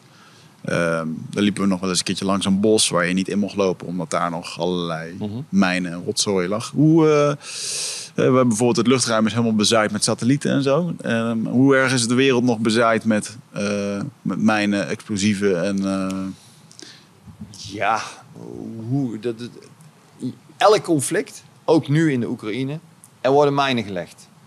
Onherroepelijk. mhm. Of dat nu op het water of onder water is, of op land, maakt niet uit. Mijn eerste uitzending was Cambodja. Ja, Het land is bezaaid met mijnen. En mijnenvelden dus. En op het moment dat die niet geruimd worden, een mijn discrimineert niet. Die maakt geen verschil tussen vriend of vijand. Ja. Een mijn ligt daar en wordt door de eerste, de beste die hem activeert, komt hij tot uitwerking. En die kijkt dus niet wie is vriend, wie is vijand. Dus op het moment dat je mijnen legt, is het natuurlijk heel erg belangrijk dat jij als eigen troepen weet, wij hebben hier mijnen gelegd, dus vooral niet in dit veld komen. Ja. Nou, en dat is het enige onderscheid wat je kunt maken. En voor de rest is een mijn een heel gevaarlijk eng wapen in de zin van hij maakt geen onderscheid. Mhm. Dus je kunt ook, hè, als jij de pech hebt en je loopt door je eigen mijnenveld, ja, je weet niet waar ze liggen, kun je ook door je eigen mijn eh, slachtoffer worden. Friendly Fire. Ja. Ehm, je zei net eerste uitzending naar eh, Cambodja. Ehm, hoe hoog is jullie uitzenddruk eigenlijk binnen de EOD? Gaat iedereen gegarandeerd ook eh, abroad? Of eh, kun je ook voor kiezen om in Nederland te blijven? Mm, Nee, in principe is het zo dat elke EOD'er eh gaat in Nederland gewoon aan het werk. En op het moment dat er een beroep gedaan wordt op ons, in de zin van Nederland gaat op uitzending, EOD gaat altijd mee. Eh, en in die zin gaan wij dus kijken welk land gaan we naartoe, wat is de dreiging en hoeveel mensen, hoeveel ploegen EOD hebben we nodig. En dat hangt er dus helemaal vanaf hoe dat wij erin gaan. Hè, wij zijn eh, eh, in, in landen geweest, daar zit je maar met twee ploegjes gedurende drie, vier maanden. En dan na vier maanden word je afgelost door je eigen collega's, komen weer twee nieuwe ploegen. Maar in de tijd van Afghanistan zaten we met vijf EOD-ploegen. Mhm. Dus dan is het verloop veel meer. Eh, en dan kom je dus ook vaker aan de beurt. Ja, Ja, dus dat is een beetje afhankelijk waar je zit, wat, wat de opdracht is en met hoeveel mensen we gaan. Hoe is de, hoe is de intensiteit eh, voor een operator eh, in die, ehm, als je wordt uitgezonden? Ik kan me voorstellen dat het verschilt, maar Afghanistan loop je vast niet met z'n allen. eh, niet voor niets met, hoeveel zei je, drie, vijf ploegen? Nou ja, en dat op, op dat moment, in de tijd dat ik daar zat, waren we op dat moment met vijf EOD-ploegen. Ja. Ja, en dan ben je wel een flinke intensiteit aan het Ja. draaien, denk ik. Ja. Is dat, is dat niet ontzettend zwaar mentaal? Of ben je het leukste aan het doen wat je Ja, kan doen voor ik, jezelf? Ik, ik vind het eh, prachtig. Dat is waarvoor je opgeleid bent. Ja, Ja, precies. Ja. Hè, eh, het werk in Nederland is hartstikke leuk. Dit is natuurlijk een iets ander level. En dat moet je even niet vergeten. Hè.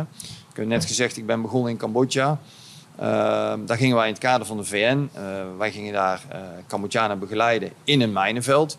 Collega's van ons die leidden die mensen op. Wij namen ze mee in het mijnenveld. En wij gingen met hun de eerste werkzaamheden doen in een mijnenveld. Eh, en wij deden hun eigenlijk alleen maar begeleiden. En zorgen dat hun hun werkzaamheden zo goed en zo veilig mogelijk konden doen. En het was letterlijk learning on the job. Ze krijgen de basis mee op school. Wij namen ze aan de hand mee het mijnenveld in. Ja. Nou, en, en dat was stap 1. Alleen daar zit je, eh, in dit geval als VN, tussen de strijdende partijen. Er werden dus fysiek weinig of geen oorlogshandelingen verricht naar ons toegericht. Het was vooral nog heel even naar hun. En tegen die tijd dat wij er waren, was er in principe een vredesakkoord. Ze zaten nog wel eh, tegenover elkaar, maar ze waren niet echt letterlijk meer aan het vechten. Mhm. Toen zijn we daarna, mijn uitzendingen, zijn we richting Bosnië gegaan als Nederland. Eh, daar een aantal uitzendingen gedraaid. Eh, daar zaten in het begin nog wel tussen de strijdende partijen. Hè, dat er over en weer naar elkaar geschoten wordt en wij stonden ertussen. En in een later stadium, en dan praat je echt over eh, tijden van eh, de Eerste, Tweede Golfoorlog, Irak, Afghanistan. Toen waren we deel van de strijdende partijen, want het was een hele andere missie. Hè, dan waren wij dus een van de partijen die dus wel eh, gericht met de vijand aan het werk gingen. En daar zie je dus ook een hele kentering in onze werkzaamheden. Eh, de ene keer dan, dan heb jij je scherfvest aan, puur als persoonlijke bescherming. En ben je met je EOD-werkzaamheden bezig.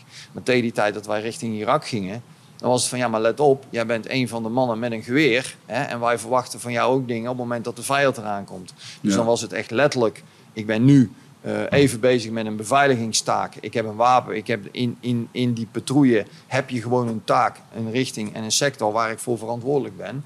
En op het moment dat de vijand en de vijandelijkheden dusdanig zijn dat eh, ik mij kan richten op het explosief waar we op dat moment daarvoor zijn, ja, dan leg ik mijn wapen aan de kant en dan ga ik mijn EOD-werkzaamheden doen. Hm. Dat was dus een hele kentering in de manier van werken, manier van denken, manier van optreden. En dat is waar we heden ten dagen dus nog steeds in zitten. hè.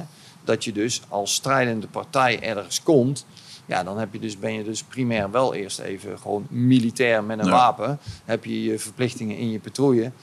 Tot het moment dat je er komt, er is een 360 graden rondom verdediging. En dan kun je eigenlijk pas gaan concentreren op hetgeen wat je als specialisme gaat doen. Ja. Ja. Ja. En in die setting lijkt het me juist wel weer dat, dat je ook in situaties komt die misschien een zware mentale wissel op je kunnen trekken. Sowieso. Als je in aanraking komt waar collega's eh, iets kan overkomen of je ziet eh, menselijk trauma. Ehm, en waar ik een beetje naartoe wil is, ehm, is er een effect op jullie werk eh, als het gaat om hoe je als persoon daarna wordt. Hè? Kom je eruit weg met misschien trauma, eh, post-traumatic stress syndrome. Ben een klein beetje gesouffleerd door meneer, die, waarvan ik weet dat hij inmiddels rechts binnen is, Alexander. Ik eh, had gezien dat je er was. Die had ik gevraagd om een aantal vragen te souffleren.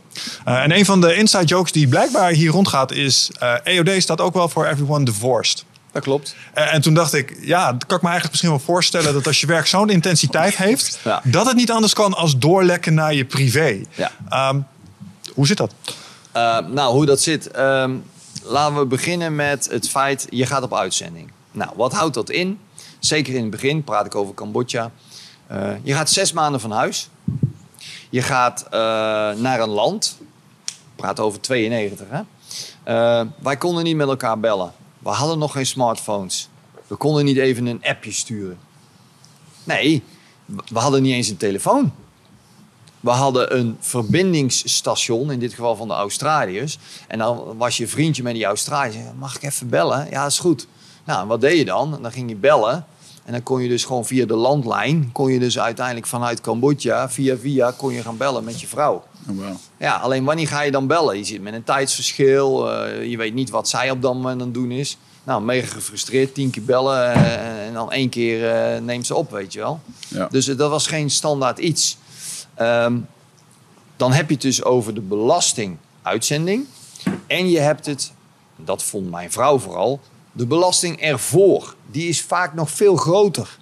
Want je gaat zes maanden op uitzending, maar ik was ook al drie kwart jaar bezig met de voorbereiding. Hè, een voorbereiding, jungle, kom ik weer bij jou. Dat is wel een leuke vergelijking iedere keer. Ja. Wij hadden een beeld, wij gaan de jungle in. Oké, wat ga ik daar doen dan? Ja, geen idee. Oké, muggen, eh, vreten, we kunnen er niet doorheen. Eh, waar kan ik wel niet lopen? Eh, nou, luchtvochtigheid. Dus wat deden wij? Elke vrijdagmiddag standaard rugzak op en dan gingen wij wandelen met de rugzak. Bewust om daar A aan de rugzak te wennen. Maar wat deden wij? Wij liepen niet over de wandelpaden. Nee, we liepen dwars door het bos heen. Zo van, eh, omdat dat onze beleving was als voorbereiding op wat er mogelijk gaat komen. Nou, dan terug naar Everyone Divorced. Die negen maanden, dat was dus vaak veel belastender voor het thuisfront als... En nu gaat het tellertje lopen, want hij stapt het vliegtuig op en zes maanden later is hij thuis. Hmm. Dat is concreet. En die voorbereidingen, dan ben je een weekje hier, weekje daar. Maar weekje hier, weekje daar betekent dus ook van huis. Dus die zes maanden is niet zes maanden. Nee, er zit nog een heel traject aan vast. Dus je bent bijna een jaar van huis. Alleen het voorste stukje, vaak weekendje thuis, hè, was inleveren, wassen, zondags, foep, en weer weg. Nou, dat was, wordt dan ook heel vaak als belastend ervaren. Ja, me Nou, dan kom je terug met de, eh, de belasting die het met zich meebrengt. Dat is voor elke persoon is dat anders. Hoe ervaar je het? En ik zal je dat heel simpel uitleggen. Wij zitten met z'n drieën in een ploeg en er vindt een incident plaats. Ja? Afhankelijk waar je zit en hoe je dat opneemt, doet dat iets met je of niet. Mhm. En dat is voor iedereen verschillend, want jij kan veel meer hebben als ik, of andersom. En jij ziet het, maar je ziet het niet als een probleem. En je, oh, wacht even, eh, kinderen mee gemoeid. eh, nou. Iedereen wordt dus psychisch belast met allerlei, nou ja, ik noem het nog geen trauma's, want dat hoeft te- hoeven geen trauma's te zijn. Maar dat zou kunnen. Dat is maar net hoe je het dus zelf oppakt. Nou, met die kennis en ervaring kom je terug. Terug thuis. Mhm. Simpel voorbeeld. Ik was net thuis. Dag twee. Ik met mijn vrouw naar de supermarkt. Want we moesten en we zouden brood gaan kopen. Op zondagochtend. Ik zeg, hoezo? Er ligt er nog brood. Doe het niet zo moeilijk. Ja, nee, we moeten... Wat zeg ik uit mijn beleving? Ja, lekker boeien. Op dat moment was dat voor mij niet belangrijk, maar voor mijn vrouw wel. En dan zie je dat dat begint te wringen. En dan zie je dus dat je zes maanden lang uit het gezinsleven bent gerukt. Je terugkomt. En dan heb je eigenlijk twee verschillende werelden. Mijn beleving was van, ja, maar ik kan hier niet zomaar lopen. Nee, dat kan wel. Alleen ik moet daar heel even aan wennen. hey, ik ben weer terug in Nederland. Ik moet weer resetten. Ik kan wel over dat gras lopen. Terwijl je dat daar niet kunt. Nou, die beleving, en dat, dat kost tijd. En dat betekent dat dat ook invloed heeft op jouw relatie met je vrouw. Nooit en dat is dan een, dat is een meest simpele voorbeeld. Maar, maar dat gaat natuurlijk veel verder en veel dieper. Ja. Ja. Ja, nooit over nagedacht. Maar jullie zijn natuurlijk in je werk, in, in wat je het merendeel van de tijd ben je heel druk bezig met waar kan ik wel staan, waar kan ik mijn handen niet neerzetten. Ja. En als je daar maandenlang, smetvrees. alle dagen. Wat zeg je? Een soort smetvrees. Een soort smet van ja. Nou, zo wil ik het niet zeggen. Maar, eh, Nee, maar goed, je ben je, inderdaad, daar ben je allemaal wel mee bezig. Maar waar het mij dus om gaat, is dat iedereen dat ervaart op hun manier. Mhm. En er, er anders mee omgaat. En ook je thuisfront moet daar dus mee om leren gaan. En dat kost gewoon tijd. Mhm. Ik heb in Cambodja leren onderhandelen over de prijs. Dat deed ik vroeger nooit. Ik ging in Nederland, kocht ik een eh, vloerkleed, althans dat was de bedoeling. En mijn vrouw zegt, joh, wat als we er nou twee kopen? Want eh, ja, voor en achter hartstikke mooi, eh, mooi symmetrisch. Nou, prima. Dus ik tegen die man, kost dat twee? Ja, is niet zo moeilijk, zegt hij. 1200 maar twee. Nee, dan snap jij het niet helemaal, vriend. Ik koop er nu twee. Dat betekent dat je twee keer jouw winstmarge hebt. Dan ga je een stukje van inleveren, want ik wil wat korting. Ja, wat is het jouw waard dan? Zeg, 2000 euro. Nou, of gulden toen nog. Nee, nee dat, dat kon allemaal niet natuurlijk. Uiteindelijk is die gezakt naar 2050 euro en ik liet ze liggen. Want hij vroeg aan mij, wat is het je waard? 2000 en geen, geen, geen gulden meer. Nou, mega ruzie met mijn vrouw natuurlijk. Want ja, die zag 450 euro korting. Of eh, gulden. Ja. Ja, helaas. Nou ja, goed. En dat zijn allemaal van die hele kleine dingetjes. Waar brengt het nou eh, het, het, het, everyone divorced? Hè? Het doet als wat met je. En dan is het wel de kunst dat je dat met je vrouw kunt bespreken. Mhm. En ehm, ja, dat, dat, eh, bij ons zijn er, eh, bij mij zijn er dus dingen gebeurd in mijn eerste uitzending die ik nooit tegen niemand heb verteld.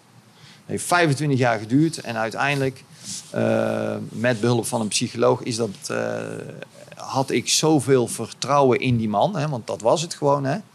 En toen heb ik dat uiteindelijk dus verteld. Nou, uiteindelijk kwam het erop neer dat ik dus eh, een ongeluk heb onderzocht met een, eh, met waar kinderen bij betrokken waren. Ik zal er niet verder te veel in detail op ingaan, dat gaat iets te ver, denk ik. Maar dat heeft met mij eh, iets gedaan in de zin van eh, dat dat teruggerelateerd wordt naar mijn thuissituatie. En ik zoiets had van, ja, maar als ik dit thuis vertel, dan kom ik nergens meer. Dan zegt mijn vrouw de volgende keer als ik kom voor een uitzending, ja, dat gaat niet meer gebeuren. Hmm. Ja, voor de beeldvorming ben ik negen keer op uitzending geweest. Dit was uitzending nummer één, hè, waar ik het over Mm. heb. Dus ja, dat was eh, heel erg moeilijk. Ehm, uiteindelijk gelukkig, het licht gezien. Nee, die psycholoog heeft mij zover gekregen. Sterker nog, die heeft mij het vertrouwen gegeven dat ik dat dus toch heb durven vertellen. Hmm. En ja, eh, goede reacties, eh, maar ook kwade reacties, met name van mijn vrouw. Waarom heb jij mij niet vertrouwd? Waarom heb jij dat niet tegen mij verteld? Mhm. Nou, en ik legde dat, dat dan uit van ja, luister, als ik jou dat allemaal vertel en ik weet dat er nog meer uitzendingen gaan komen Ja. hè, in mijn jonge EOD-carrière. Ik zei ja, ik zei, dan, dan vond ik, dacht ik, en ik vulde het voor haar in, dan ga ik jou daarmee belasten van oh, dan gaat hij dadelijk dat en dat weer meemaken. Ja. Terwijl dat helemaal niet zo hoeft. Alleen zo stond ik er op dat moment wel in. Ik besef nu, dat is nooit goed geweest. Had ik meteen moeten vertellen. Ook voor jezelf, Ja. om, om te kunnen delen. Ja, en als je dat soort dingen dus allemaal niet doet... en je houdt het allemaal voor je... en je gaat allerlei eh, incidenten meemaken... traumatische ervaringen meemaken... waar je niet goed mee om kunt gaan... ja, dat gaat dan resulteren in frictie met je vrouw... wat uiteindelijk eh, Ja. everyone divorced oplevert. Ja. Is dit nog- Overigens, ik ben niet divorced. Hè. Jullie hebben het gered. Vorig jaar eh, 37 jaar. hè. Ah, nee, dus ik Gefeliciteerd, ben nog man. steeds in de running. eh, Keurig, Respect, ja. respect. Dan mag ik bij je in de leer hoe je dat... eh, Nou ja, goed, wij, ook wij hebben natuurlijk onze, onze problemen en, eh, en, en toestanden gehad. Maar ja, je moet het nog steeds wel eh, met elkaar eh, eh, ja, door één deur kunnen. ja. Ja. of je moet de conclusie trekken, eh, we gaan uit elkaar. Maar goed, Ja. Maar het voordeel is dat jij gewoon een handgranaat aan de deur kan hangen, zodat ze niet naar buiten Kom komt. niet buiten jij. Ja. Dan, eh, maar ja, Bobby Treppen, ja. Een van de dingen die me wel opviel in, eh, in een van onze voorgesprekken toen we hier liepen, is ehm, dat volgens mij de cultuur, ehm, of de ervaring misschien zelfs wel binnen Defensie in dit kader, ehm, ook wel veranderd is. Misschien ten opzichte van toen je begonnen bent. Ik, ik denk dat het zeker. veel meer open is, veel meer bespreekbaar. Cambodja eh, was eigenlijk eh, nagenoeg eh, nul ervaring als het ging om de werkgever en wat doet hij eraan. Eh, eerste stappen zijn gezet in Bosnië. Eh, ik zeg bewust eerste stappen. Mijn persoonlijke ervaring, mijn eerste uitzending. Ik kom terug uit Bosnië. Nee, is niet waar. Het was in Bosnië. En eh, ik moest praten met een psycholoog. En toen was het van... eh ja, mijn traumatische ervaring meegemaakt. Ik zeg, oh. Ik zeg, vertel. Ja, eh, u bent daar en daar geweest en u hebt daar eh, een onderzoek gedaan naar een stoffelijk overschot. Ik zeg, dat klopt. Ik zeg, maar ga jij mij nou vertellen dat het een traumatische ervaring is? Hoezo? Ik zeg, dat bepaal ik toch, jij toch niet? Hmm. Ik zeg alleen, ik kan er open en bloot over praten. Ik heb er geen problemen mee. Ik zeg, dan ga jij... Oh, ja, ja, ja. Ja, maar je hebt ook in een mijnenveld gewerkt. Ja, klopt. Ik zeg, maar een mijnenveld is ons dagdagelijks werk. Ik zeg, ik ben het met u eens. Voor u is dat spannend. Zeg, want u komt de eerste keer en hè, er wordt in een uitzending al uitgelegd eh, hoe... Maar wij doen dat dagdagelijks. Ik zeg, dus nee, ik zie dat niet zo spannend als u dat ziet. Hmm. Ik dus hoezo? Dus het was goed bedoeld. In dit geval klikte het niet met die persoon. Hmm. Mij en haar in dit geval. Ja, en dat is gewoon heel, heel jammer. Maar dan, dan doet de organisatie zijn best. Alleen op dat moment klikt het persoonlijk even niet. Ja, dan Ja. heeft het niet de meerwaarde die men uiteindelijk wel vanuit de organisatie zoekt. Om jou te helpen om te kijken hoe je erin staat. Ja. Nou, tegenwoordig eh, gaat het allemaal veel anders, veel beter. Eh, maar ook persoonlijk gaat het veel beter in de zin van onderling. Ehm, tegenwoordig doen we wat we noemen een hot debrief. Hè. Ik heb net genoemd eh, een, een incident waarbij we met z'n drieën bij betrokken zijn. Maar we ervaren het alle drie anders. Nou, hot debrief, je gaat zitten. Wat hebben we gezien, wat hebben we meegemaakt? Hoe heb jij het ervaren, hoe heb jij het ervaren? Mhm. Hoe heb ik het ervaren? En dan blijkt dat jij het helemaal geen probleem vond. Ja, pff, dagdagelijks. En ik, jezus man, had je dat gezien, die vrouw? Hè, die had net een kind op de arm. En, eh, nou, ik zie dat als een probleem en jij interpreteert dat heel anders. Ja. Nou, dat kan. En dat is ook ieder voor zich. Alleen, maak het bespreekbaar. Dat is het hele eiereten. Mhm. En besef van elkaar dat het met jou wel wat doet en met mij niks. Of heel weinig. Ja. En, en eh, een ander incident, dan, dan kunnen, kunnen de rollen helemaal omgedraaid zijn. Uh, Wat ik wel interessant vind in het eh, PTSS en PTSD-verhaal, is dat. ehm, moet ik even terughalen waar ik dit nou vandaan had. Maar volgens mij heb ik dit van de jongens van het Korps Commandotroep eh, vernomen. Dat de meeste PTSD ontstaat uit situaties eh, waarbij machteloosheid een Ja. grote rol speelt.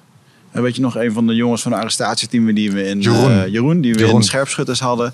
Wat is jouw grootste ding wat je meegemaakt? Hij zegt dat ik door mijn vizier van mijn sniperrijfel keek en dat er een vrouw verkracht werd in een huis en dat ik niks mocht doen. Ja. Dat soort dingen. Ja. En, en beaam je dat? Dat, dat eh, het stukje Nou, dat is- machteloosheid? ja, en, eh, zeker, zeker. Maar het is niet alleen maar een stukje machteloosheid. Want dan ga je er dus vanuit dat als je had ingegrepen...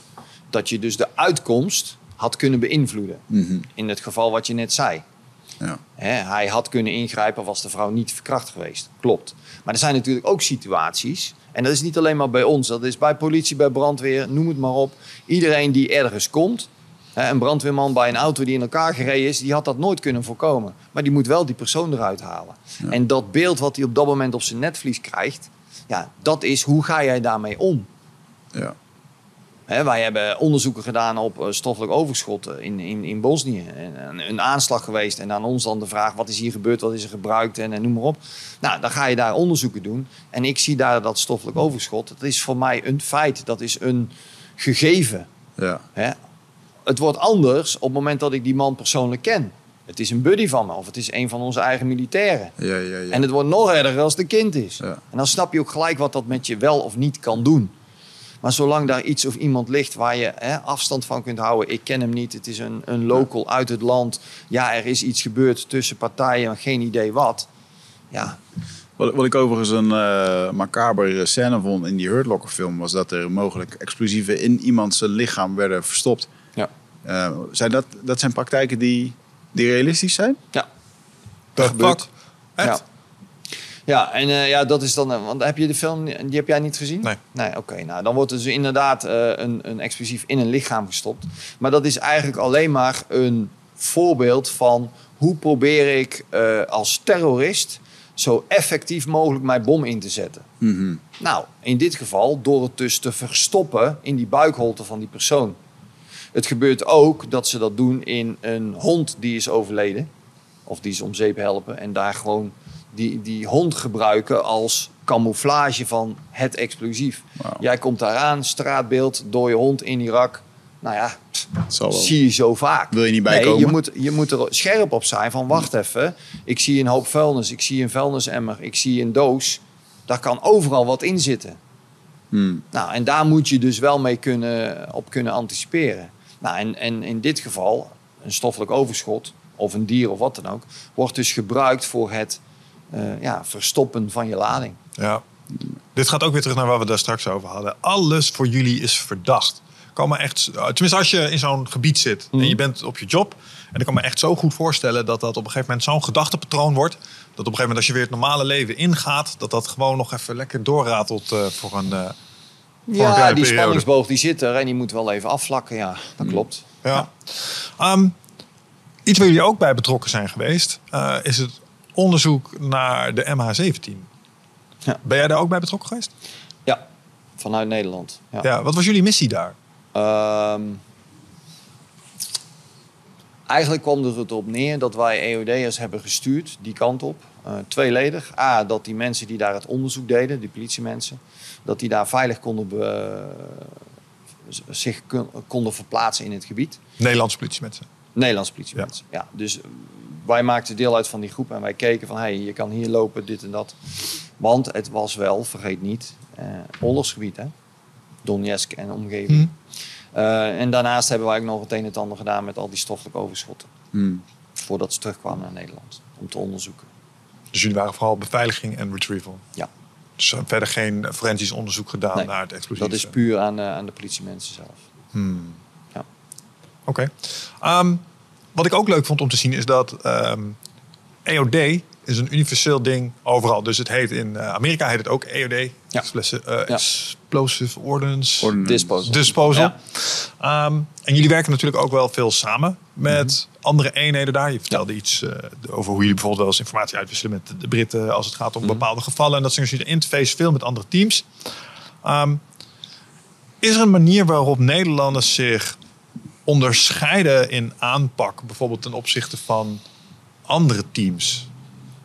Zijn er verschillen in de manier waarop jullie de puzzels oplossen? Ehm, ja, die verschillen zijn er zeker. Eh, als het gaat om de uitwerking, hè, niemand is bestand tegen de uitwerking van het explosief. Nee.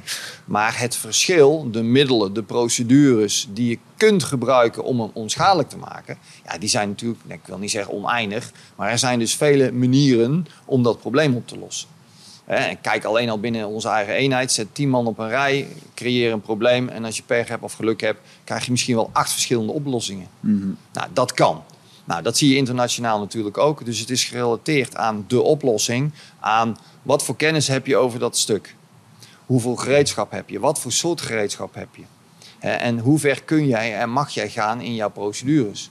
Er zijn landen bij die kunnen en die mogen niks, die blazen alles op. Hm. Dat kan, dat is een manier. Is Ja. dat fout? Nee. Is het veilig? Jazeker. Maar levert het iets op? Nee. Want als ik die bom wel uit elkaar kan halen en ik kan daar eh, informatie uithalen. Wat dus mij helpt in de zin van anticipeer ik nog steeds op de juiste manier met de dreiging. En op het moment dat die dreiging dus klopt met mijn beeld, dan kloppen nog steeds mijn procedures. Oh, je bedoelt, ze Ja. maken de bommen nog steeds zoals we denken dat ze de bommen Ja, maken. nou, ja, simpel voorbeeld. In Afghanistan, wij reden van A naar B en op een gegeven moment lagen er bommen eh, in de weg. Nou, waar maakten ze gebruik van? Van de zogenaamde pressure plate. Dus eh, op het moment dat je met je wiel eroverheen rijdt, maakt dat contact en dan gaat die bom af. Dat is allemaal geïmproviseerd gemaakt, maar voor ons vrij makkelijk op te sporen met een metaaldetector. Dus wat deden wij? Toen dat eenmaal, als je ziet dat dat zich ontwikkelt en er, eh, dat beeld wat dan ontstaat, daar ga je op reageren. Dus genie die gaat zoeken naar de bommen in de weg voor ons uit. En dat doe je op bepaalde punten. Nou, als je dat dan doet, dan zegt die, eh, die Taliban, die doet dat op zijn manier precies hetzelfde. Die hoort en die kijkt en die ziet van, hé, hey, daar komt hij weer met zijn metaaldetector. Ik ga iets verzinnen waardoor die metaaldetector niet werkt. Dus die maakt die bom niet meer van metaal. Dan werkt die metaaldetector niet meer. Of hij maakt een ander type bom. Bijvoorbeeld dat hij werkt met een radiocontrole, met een signaal. Bijvoorbeeld van een gsm. Oké, dan ligt die bom dus niet meer op de weg, maar hij ligt naast de weg. Het bommetje wordt iets groter vanwege de uitwerking. En in plaats van dat ik er fysiek overheen moet rijden, nee, heeft hij waarneming op die locatie. En op het moment dat mijn voertuig er langs rijdt, drukt hij op de knop en dan gaat hij af. Ja. Oké, hoe kunnen wij dan weer zorgen dat die bom niet afgaat? We kunnen dat signaal storen.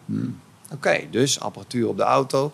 En zo zie je dus een hele wapenwedloop tussen hun en ons. Dus kijk als schaken. Ja, Al- en dat, ja goed, EOD werkt altijd schaken. Ja. Nou, dat, dat vond ik ook wel een, eh, eh, wel een mindfuck. Ehm, ook in die film Hardlocker, wederom. Dat er op een gegeven moment iemand staat eh, te filmen. Dus de EOD is bezig, de boel afgezet. Op een gegeven moment staat er een dude op een hoek met een videocamera de boel te filmen. En ze weten eigenlijk niet, ja, staat hij ons nou te filmen omdat ze wat willen opnemen? Of eh, om gewoon hè, een soort van eh, kijken wat er gebeurt. Is dat, Ja. is dat, eh, want ik kan me voorstellen dat als je die druk Nou, op dat- die straat, onbe- onbekende omgeving hebt, onbekende, ja, je weet niet wat het, wat het van je moet of wat het wil. Ja. Is dat realistisch wat daar... Ja, eh, zeker. Dat is wel heel realistisch. Eh, wij beseffen ons namelijk altijd dat wij, ehm, of dat nu in Nederland is, maar met name in uitzendgebieden, je wordt geobserveerd. Dat filmen heeft twee eh, doelen. Als je de explosie, de uitwerking wil filmen op de coalitietroepen tegen wie je op dat moment vecht, dan heeft dat een media eh, doel. Want ik wil die explosie zien. Ik wil zien dat die auto de lucht in gaat met een hoop ellende. En dat gaan ze uiteindelijk weer gelijk posten. Van kijk eens hoe effectief we zijn en we hebben er weer één. En... Ja. Maar EOD-wise, als je dat op die manier bekijkt, dan kun je het ook uitleggen als van let op, ze zijn ons aan het observeren voor wat betreft onze procedures. Hmm. Waar staan ze? Wat voor gereedschappen gebruiken ze? Hoe gaan ze naar voren? En daar kunnen hun op anticiperen.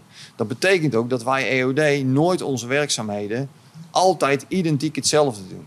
En het meest makkelijke uitleggen is als ik hier de bom heb en ik kom met mijn voertuig aan en ik sta altijd op 60 meter afstand en ik ga van daaruit werken, dan ligt de volgende bom op 60 meter afstand. Ja. Dan is dit namelijk een netbom zodanig dat het mijn, onze aandacht er naartoe uitgetrokken wordt. Wij gaan daarop reageren. En dan ligt die bom in de directe omgeving waar we hun verwachten. Omdat wij laten zien, hé, hey, wij staan iedere keer op dezelfde afstand. Dus dat patroon van werken willen we doorbreken. Je moet dus altijd proberen anders te opereren. Hmm. Niet voorspelbaar. Ja. Want anders ga je onherroepelijk een keer de tol betalen. En die tol die wordt ook wel eens betaald hier.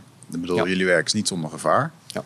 Het meest recente, maar zo, is dat bijna tien jaar geleden misschien al, of acht jaar geleden? De, de flitspaal, het flitspaal incident. 2012 geloof ik. Ja. Ja, waarbij iemand niet tevreden was over de boetes die hij ontving en dacht, daar gaan we wat aan doen. En dat heeft vervolgens een arm gekost van een van jullie Ja. medewerkers. En is dat een, ehm, dat, is een, dat is een eenmalig incident, maar is dit een terugkerend incident dat dit soort dingen gebeuren? Is Nou ja, gelukkig niet. Want eh, ehm, als je dus gaat kijken naar eh, wat er allemaal gebeurd is. Dat het laatste dodelijk ongeluk was in 1976. Waar een EOD erbij verongelukt is. Hmm. Ehm, en dan hebben we wat collega's inderdaad die eh, een arm of een been verloren zijn. Dan zou je eigenlijk naar al die incidenten eh, één voor één apart moeten gaan kijken van hey, waarom is dat op die manier gebeurd. Ehm, maar goed, het neemt niet weg dat dit wel aangeeft het gevaar van ons werk.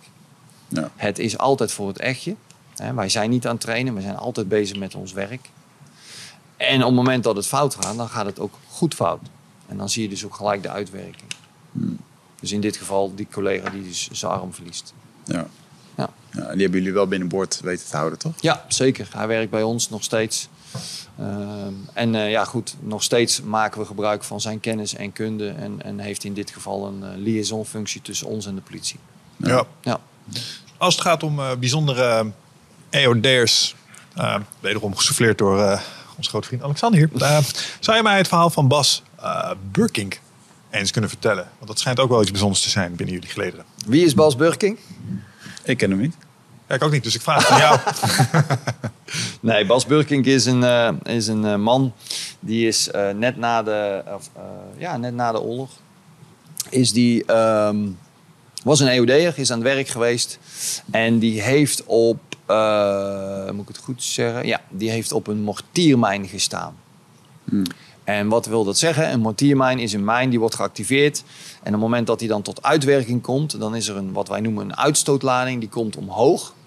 En op borsthoogte klapt die uit elkaar en gaat die 360 graden rondom zijn scherven verspreiden. In de werkzaamheden trapt hij op die mijn en heeft die mijn tegengehouden met zijn been. Hmm. Daardoor is die mijn geklapt onder zijn voet, heeft hem zijn onderbeen gekost. Maar daarmee heeft hij wel het leven gered van alle mannen die om hem heen stonden.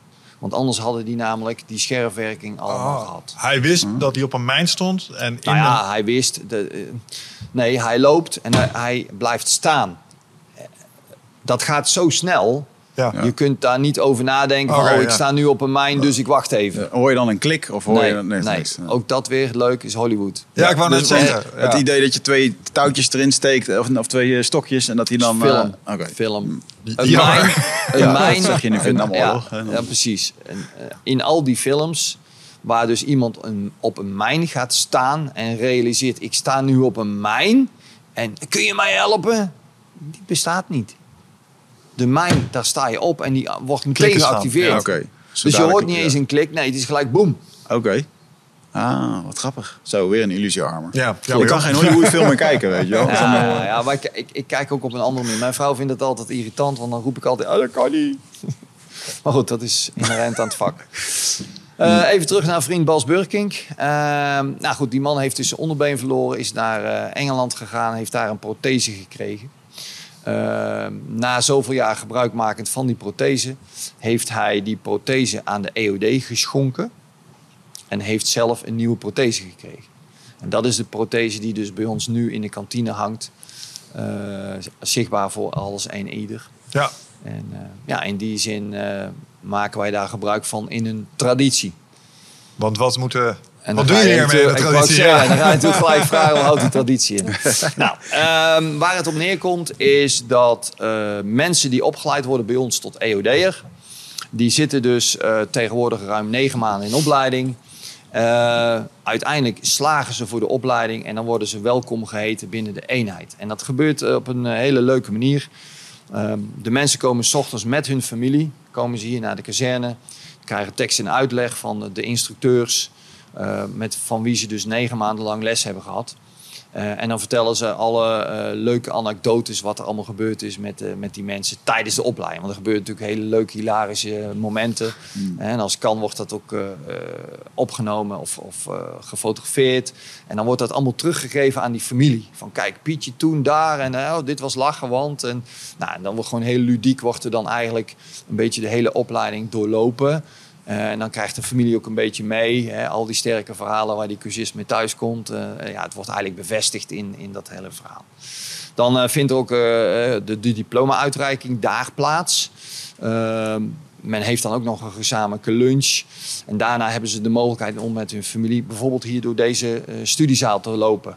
En dat ook die mensen een beetje in beeld krijgen van ja, maar waar heeft hij het nou allemaal over? Hè? Over al die stukken ijzer en, en noem maar op. Ik kan me voorstellen dat dat misschien wel erg confronterend is voor sommige familieleden. Ja, Zo dat van, dit klopt. zijn wel beste units. eh. Ja, aan de andere kant is het natuurlijk wel zo. ehm, de collega in kwestie die praat daar vol enthousiasme over in zijn opleiding. Maar nou kan hij het ook fysiek laten zien. Mhm. En als je dit fysiek niet kunnen laten zien, dan is dat heel moeilijk voorstellen.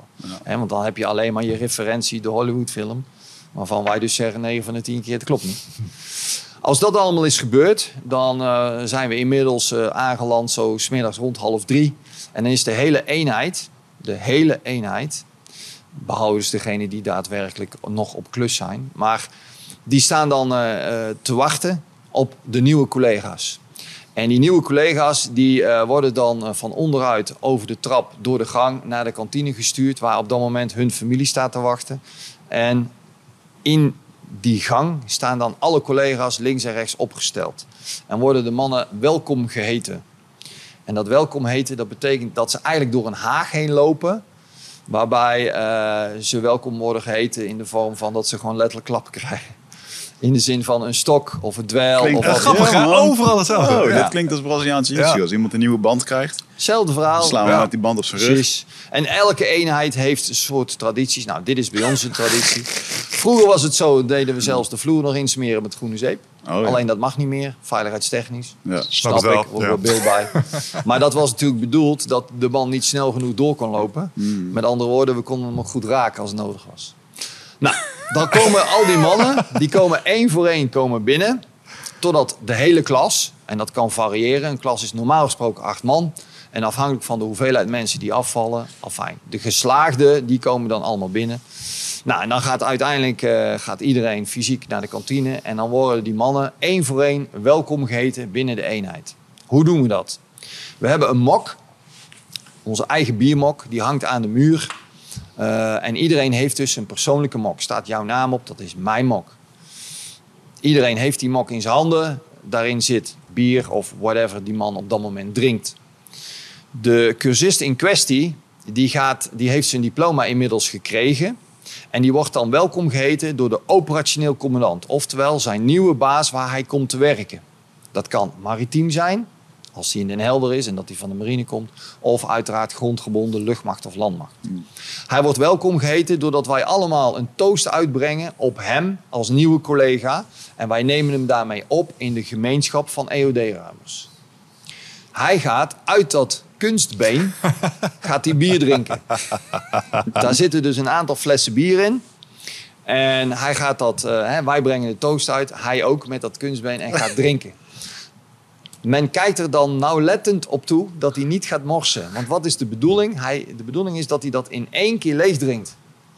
Begint hij te morsen of hij stopt en het is nog niet op, dan krijgt hij de rest van de inhoud over zijn hoofd. Ah, wat uiteindelijk ook een soort doel is. Dat is de hoop, ja. Er zijn er heel veel die het niet redden.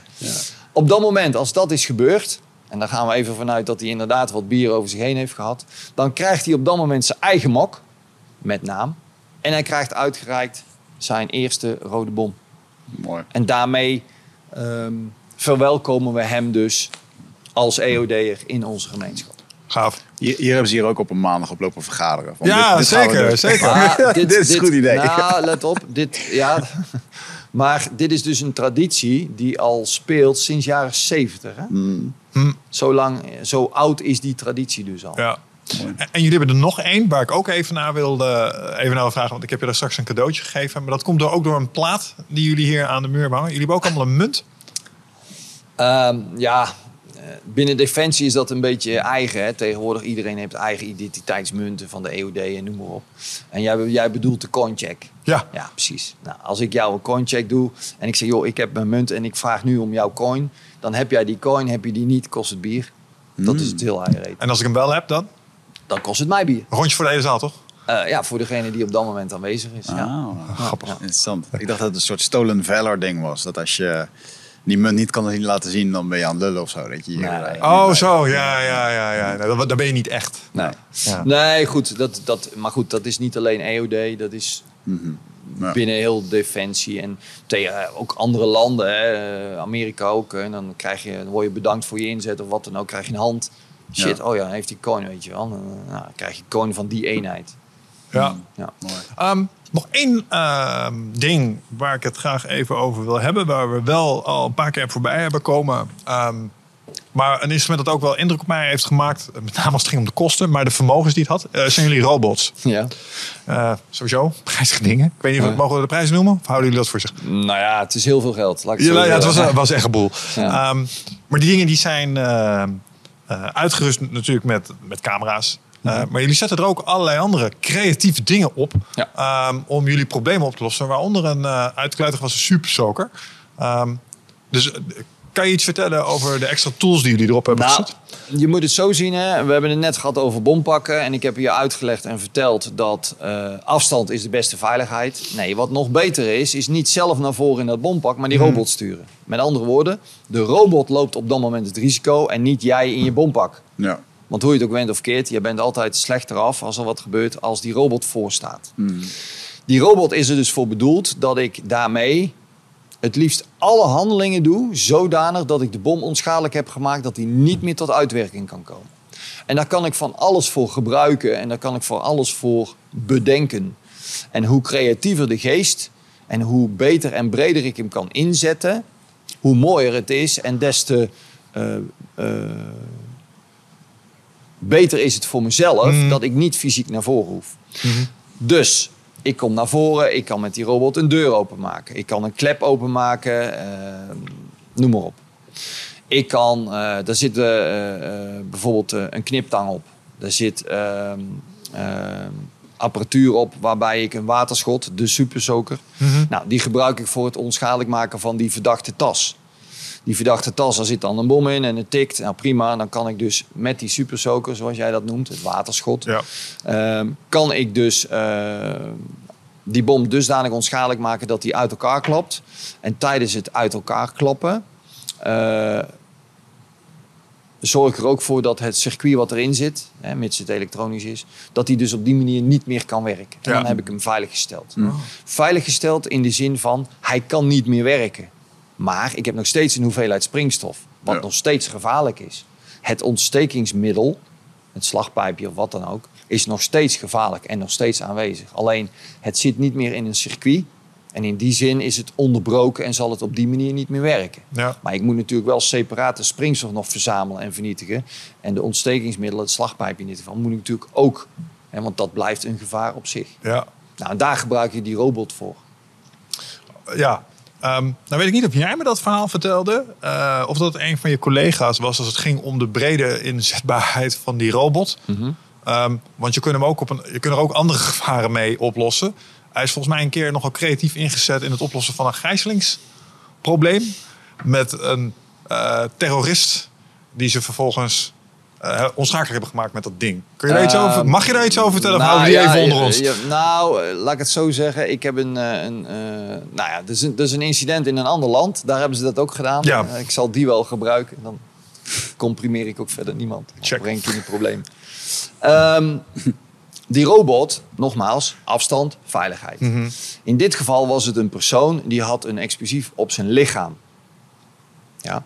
En dan kun je twee dingen doen. Dan kun je zeggen van nou, hoe ga ik die onschadelijk maken? Ja, je kan dus, eh, ik wil zien wat heeft hij aan. Dus middels die robot die naast die verdachte stond, dus let op, we hebben je in de gaten. Hè, je hebt, je hebt eh, mannen van, eh, van de DSI, die liggen daar met een sniper en die zeggen luister, jij beweegt niet, ga je verplaatsen van deze locatie, dan is klaar, dan gaat er iemand op je vuren. Punt.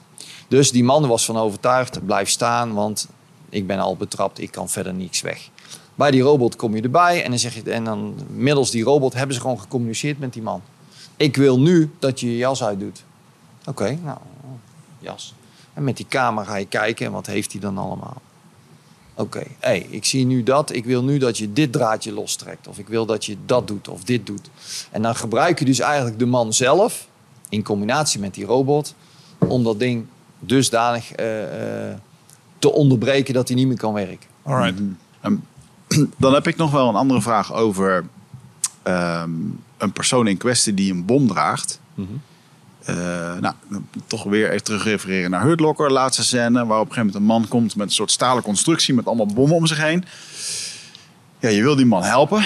Ehm, vervolgens lukt dat niet en dan moet je op een gegeven moment tegen zo'n man zeggen, sorry man, twee minuten, wederom een grote wekker erop. Hm. Eh, maar het gaat niet werken.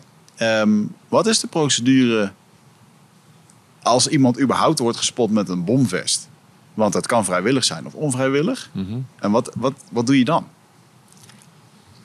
Als je, voor, voor wat je daarover mag Dat wordt ook weer een heel ethisch verhaal, maar waar het op neerkomt, we schieten hem dood. En dan ga ik aan het werk. Oh, wauw. Als het overduidelijk is dat het een, iemand is die het vrijwillig doet, neem ik Ja. aan. Ja. Ja. Want ik moet meteen denken aan een... eh, En Netflix nogmaals, ook- oh, ik schiet hem niet dood. Hè? Nee, nee, oké, maar... en- Ik- Oké, Ik, ik, ik maak deel uit Ja. van een team. En dat team, eh, ik ben een rolspeler daarin. En ik zeg, luister, ik kan, ik wil en ik ga niet naar die bom zolang hij op die knop kan drukken. nee. Dat wil ik voorkomen. Ja. Ja, dat betekent dus, om dat te kunnen doen, hè, de situatie veilig in de hand te hebben, wil ik dus dat die vent eerst om zeep geholpen wordt, hoe lullig het ook is. Ja. En dan ga ik pas me bemoeien met hetgeen wat hij om zijn Ja. lichaam heeft. En, en scenario 2 is dat ik gegijzeld ben en vervolgens in de HEMA wordt gestuurd. En dat gebeurt. En, En, eh, dat gebeurt. ja, Nou ja, zoals die gelukkig, gelukkig niet in Nederland, maar dat is ook niet helemaal waar. We hebben wat voorbeelden gehad. Eh, maar dat bleken gelukkig allemaal nepvesten te zijn. Mm, Alleen de illusie wordt gewekt dat het een echte bom is. En die wordt dus gewoon gestuurd. Nou, in dit geval was het een, eh zo een paar jaar geleden. Het was een overval op een geldtransport. En die man die kreeg een vest om, die chauffeur. Waardoor hij dus eigenlijk, eh, waardoor gezegd werd, luister, je hebt een vest om. Eh, wij willen niet eh, dat. En nou, uiteindelijk werd er wel gereageerd op dat incident. Kwam die agent en het eerste wat hij zei, van ja luister, ik heb een vest om. En nou ja, dus wij hup aan het werk. Maar dat was meer om voor de daders te zorgen dat ze meer tijd kregen Ja, voordat die alarm kon slaan. Maar er is natuurlijk genoeg, ehm, zeker in Afghanistan en zo, ehm, voorbeelden van wie, wat ik wel eens heb gezien, waar kinderen, kinderen gewoon eigenlijk jarenlang worden geschoold in de naam van God om eh, dit soort acties Ja. te doen. En vervolgens in één keer de opdracht krijgen van vandaag is de dag. Ja, Ja. Jij gaat dat doen. En die vervolgens op een gegeven moment daar in één keer twijfelen. Dan heb je nog de, de casus dat iemand anders op een afstand dan het alsnog Ook voor jou kan doen. Ja. Maar ben ik toch heel erg benieuwd. eh, zijn er voorbeelden van, hoe, eh, van zo'n situatie waarbij iemand inderdaad met angst weet daar zit van ja, dit ding wil ik wel af. Het is een echt explosief. En, en ja, Filmpje. Eh, op Heel Netflix. benieuwd. Zijn docu's. Een meneer die Ja. eh, in Amerika op een gegeven moment... eh, die krijgt zelfs zo'n explosief om zijn nek heen Ja. gezet. Ja, en dat eh, zijn dat gaat op een gegeven moment eh, af. Gaat, die gaat ook af. Ja.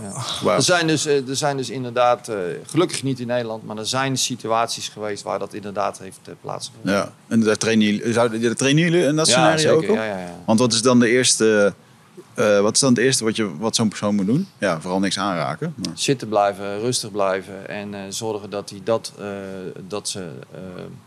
ik moet anders zeggen, als wij daar dan bij komen, is het onze taak om eerst die persoon tot rust te manen, neer te zetten, zodat wij rustig en gedegen onderzoek kunnen doen. En dan gaan we dus die uien afpellen in de zin van we proberen om bij de kern te komen en Ja. te voorkomen dat die bom afgaat. Maar dat is wel handmatig werk, want Ja. ja, dat is iets dat kun je niet met die robot doen. Daar Nee. word ik speciaal voor getraind, heb ik speciale opleidingen voor. Ehm, maar ja, dat is niet zomaar even 1, 2, 3 eh, Nou. in de vingers. Zeg maar. Nee. Dat lijkt wel echt een dubbele lading aan spanning dan. Ja. Doet. Ja, ja, Ja, ja. sowieso dit werken. Ja. Dit is next Ja, level ja, in dat opzicht. Mooi. Right man. Hey, we tikken de twee uur aan. Ik weet niet of jij nog eh, onderwerpen hebt die je heel specifiek nog even wil eh, aanhalen nu. Nee, ik heb alles ehm, wel een beetje Top. gehad. Nou ja, dan en ter promotie van jullie. Ik bedoel, zijn er mensen die... Want dit soort dingen worden vaak geluisterd door mensen die denken van... Ja, ik, dit lijkt mij tof om te gaan doen. Eh, is er ruimte voor nieuwe mensen de komende jaren? Altijd. Want, want het wordt alleen maar drukker. Ja. Ja, helaas. Alleen, dan moet ik er wel gelijk bij vertellen. eh, van buitenaf kun je niet solliciteren bij de EOD. Dat betekent dat je dus werkzaam moet zijn binnen Defensie. Dat je eh, minimaal eh, sergeant moet zijn, een startfunctie moet hebben gedraaid. En dan zou je dus intern via de personeelsdienst kunnen opteren voor een functie bij de EOD. Alright. Dat kan. Mooi. Oké. Ehm, dan voordat we afronden, wil ik eerst nog eventjes iets anders doen. Hey Alexander, zou jij misschien eventjes hier willen komen voor mij? Ik wil eventjes eh onze luisteraars voorstellen aan een van onze grootste fans. Showsponsoren, Alexander Sturing, heeft ervoor gezorgd dat we hier vandaag met Werner konden zitten.